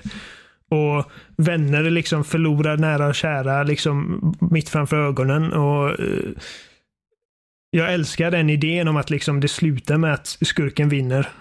Och jag tyckte Thanos var en liksom bra, bra skurk, alltså liksom jämfört med många andra Marvel-skurkar. Jag tycker Marvel har aldrig haft liksom jättebra skurkar. Uh, men det här var liksom en, typ en stor blå gubbe som jag kände inte bara utgjorde ett liksom enormt fysiskt hot, utan även liksom hade lite mer djup än vad jag trodde han skulle ha. Och en logik som jag ändå förstår. Um, för jag gillar det med skurkar som liksom agerar på en sorts logik som man kan hänga med i. Även om jag inte liksom, han är ju helt galen. Jag hade ju aldrig liksom, jag tycker inte att eh, utplån, utplånandet av hälften av alla levande varelser är värt liksom någonting. Uh, men jag förstår ändå varför han tycker det. Um, så jag var nöjd med skurken. Um, men just det liksom valet av, eh, valet av karaktärer att döda. Och just det faktumet att vi vet vad som kommer. Förstör ju den liksom avslutningen lite tycker jag. Ja, ja, alltså det, ja. Man får, Ja. man, man får väl kanske inte övertänka det heller. Eller det är väl det, det att vi tänker för långt. Eller förstår du vad jag menar? Alltså, Ja, men för den, typ, det, jag, De jag såg kan- en, ung, en unge bakom mig. Han var helt liksom hysterisk. Bara Spiderman dog. ja. Alltså, Han vet ju inte att eh, Guardians of the Galaxy 3 är på väg och att den kommer 2020. och Spindelmannen är bekräftad och... Ja, men jag tror att eh, liksom, det största problemet är liksom att de gick över bord. Liksom. Alltså, de kunde varit mycket mer eh, strategiska i vilka karaktärer de dödade. Eh, för att som det är nu så är det väl nästan bara Rocket och Nebula som överlevde från Guardians-gänget. Hade de bara dödat eh, Gamora, alltså där, där Thanos slänger den över klippan. Där, det var en ganska, jag tycker det var en ganska effektiv scen. Jag bara oj, Överlevde Nebula? Nebula överlevde väl? Jag kommer inte, Hon ihåg, jag kommer inte ihåg om hon försvann i slutet eller inte. Försökte hon inte hon döda Thanos? Ja, Jag kommer inte ihåg. Jag. Jag kommer inte ihåg ifall Nebula, Mm. men Rocket överlevde i Ja. alla fall. Eh, och, och om, bara, om det bara var liksom att Thanos slängde Gamora över klippkanten så hade jag ändå kunnat tänka, ja men då, alltså, det kan hända liksom att det finns en Guardians of the Galaxy 3 utan Gamora. Men det är väl det att de vill in, De vill inte döda... De vill döda alla men inte döda någon överhuvudtaget. Jag tror det, jag tror det är väl den problematiken i så fall. Ja, men de borde dödat eh, Iron Man och Captain America. De som liksom har gjort sitt i det här universumet nu. De som vi liksom vet att de kan ta bort dem nu. För att det är inte säkert att de vill göra de här rollerna längre. Men gör de ens några andra filmer? Ja, det gör ju. Ja. Chris Evans är ju med rätt mycket. Um, Chris Hemsworth, Hemsworth dyker upp. Uh, Strat, uh, Robert Downey Jr gör väl lite mindre tror jag för att han är ju med i så jävla mycket av de här Marvel-grejerna. Ja. Han hade ju en ganska stor roll i Spider-Man också. Um, men uh, jo, men de gör ju andra grejer. Klart väl... Så jag kände att de, de skådespelarna som har varit med nu sedan liksom typ 2008-2009, de, de riskerar att försvinna nu bara för att det är liksom naturligt för de skådespelarna att gå vidare till nya grejer och låta karaktärer som Spiderman, eh, Black Panther och de här liksom ta över. Eh, och i serietidningarna som förstår det så är Bucky Barnes eh, Bucky tar ju över Captain America eh, namnet i princip när Steve Rogers dör. Så då har jag, det har jag tänkt hela tiden att liksom eh, de kommer ha ihjäl Captain America och få sin liksom typ eh, sina, sin tearjerker och sen kommer de kunna fortsätta göra Captain America-grejer med Bucky. Ja, i serietidningar så är det Bucky som tar över det tror jag. I, no, i Det var någon... precis vad jag sa. Ja, det var det. Jag jag lyssnade men jag lyssnade inte fast jag lyssnade.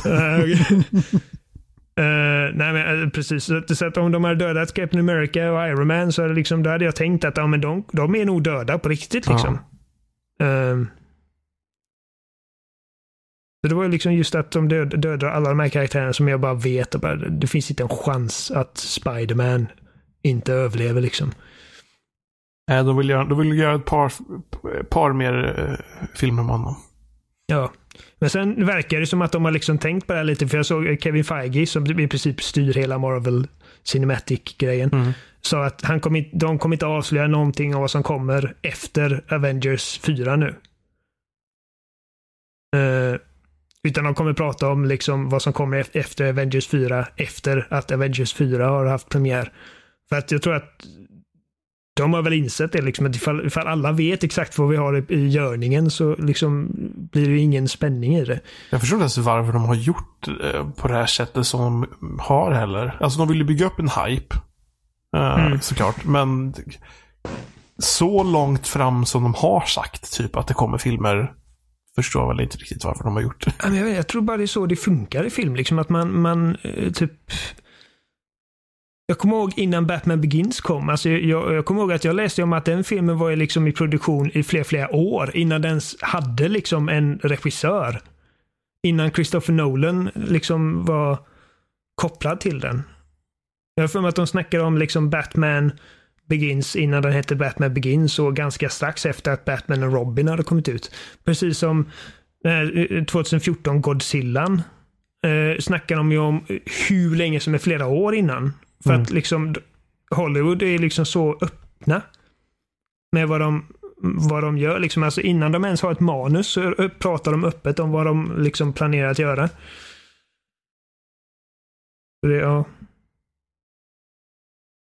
Med det sagt så jag gillar filmen och alltså, även om jag vet att de här karaktärerna kommer komma tillbaka så var det ändå ganska effektivt liksom att se de här människorna dö. När, eh, särskilt när, eh, när Spiderman dog. Alltså, det, det, det var verkligen bara, fy fan. Mm. Tyckte så jävla synd om honom. Mm, Han, han blev den där liksom grabben som bara liksom inte vill dö. Och Tony Stark där som bara ligger där. Och jag, liksom, jag vet att Tony Stark har liksom haft mardrömmar ända sedan Avengers. Eh, om att liksom han är typ ensam kvar och alla andra är döda i princip. Så det, liksom, det var ganska, det var ju väldigt effektfullt ögonblick. En väldigt effektfull avslutning. Om man liksom räknar bort då att jag liksom rent logiskt vet att Ja. liksom, det, här, det här gäller ju inte om ett par år. Ja. Ja, nu har jag pratat av mig. Nu har vi pratat i två timmar. Ja. För er som fortfarande lyssnar så finns vi som vanligt på spelsnack.com. Där ni hittar länkar till YouTube och Facebook och RSS-flöden och iTunes och alla ställen ni kan lyssna på oss. Eh, vi dyker upp på loading som vanligt. Eh, vi finns på Twitter och Instagram, ett spelsnackpodd. Så ni kan kommentera och skriva till oss. Och ni kan mejla till oss kontakt spelsnack.com. Så tills nästa vecka säger vi väl hej då. då. Hej då! Ja, ha det gött. Hej.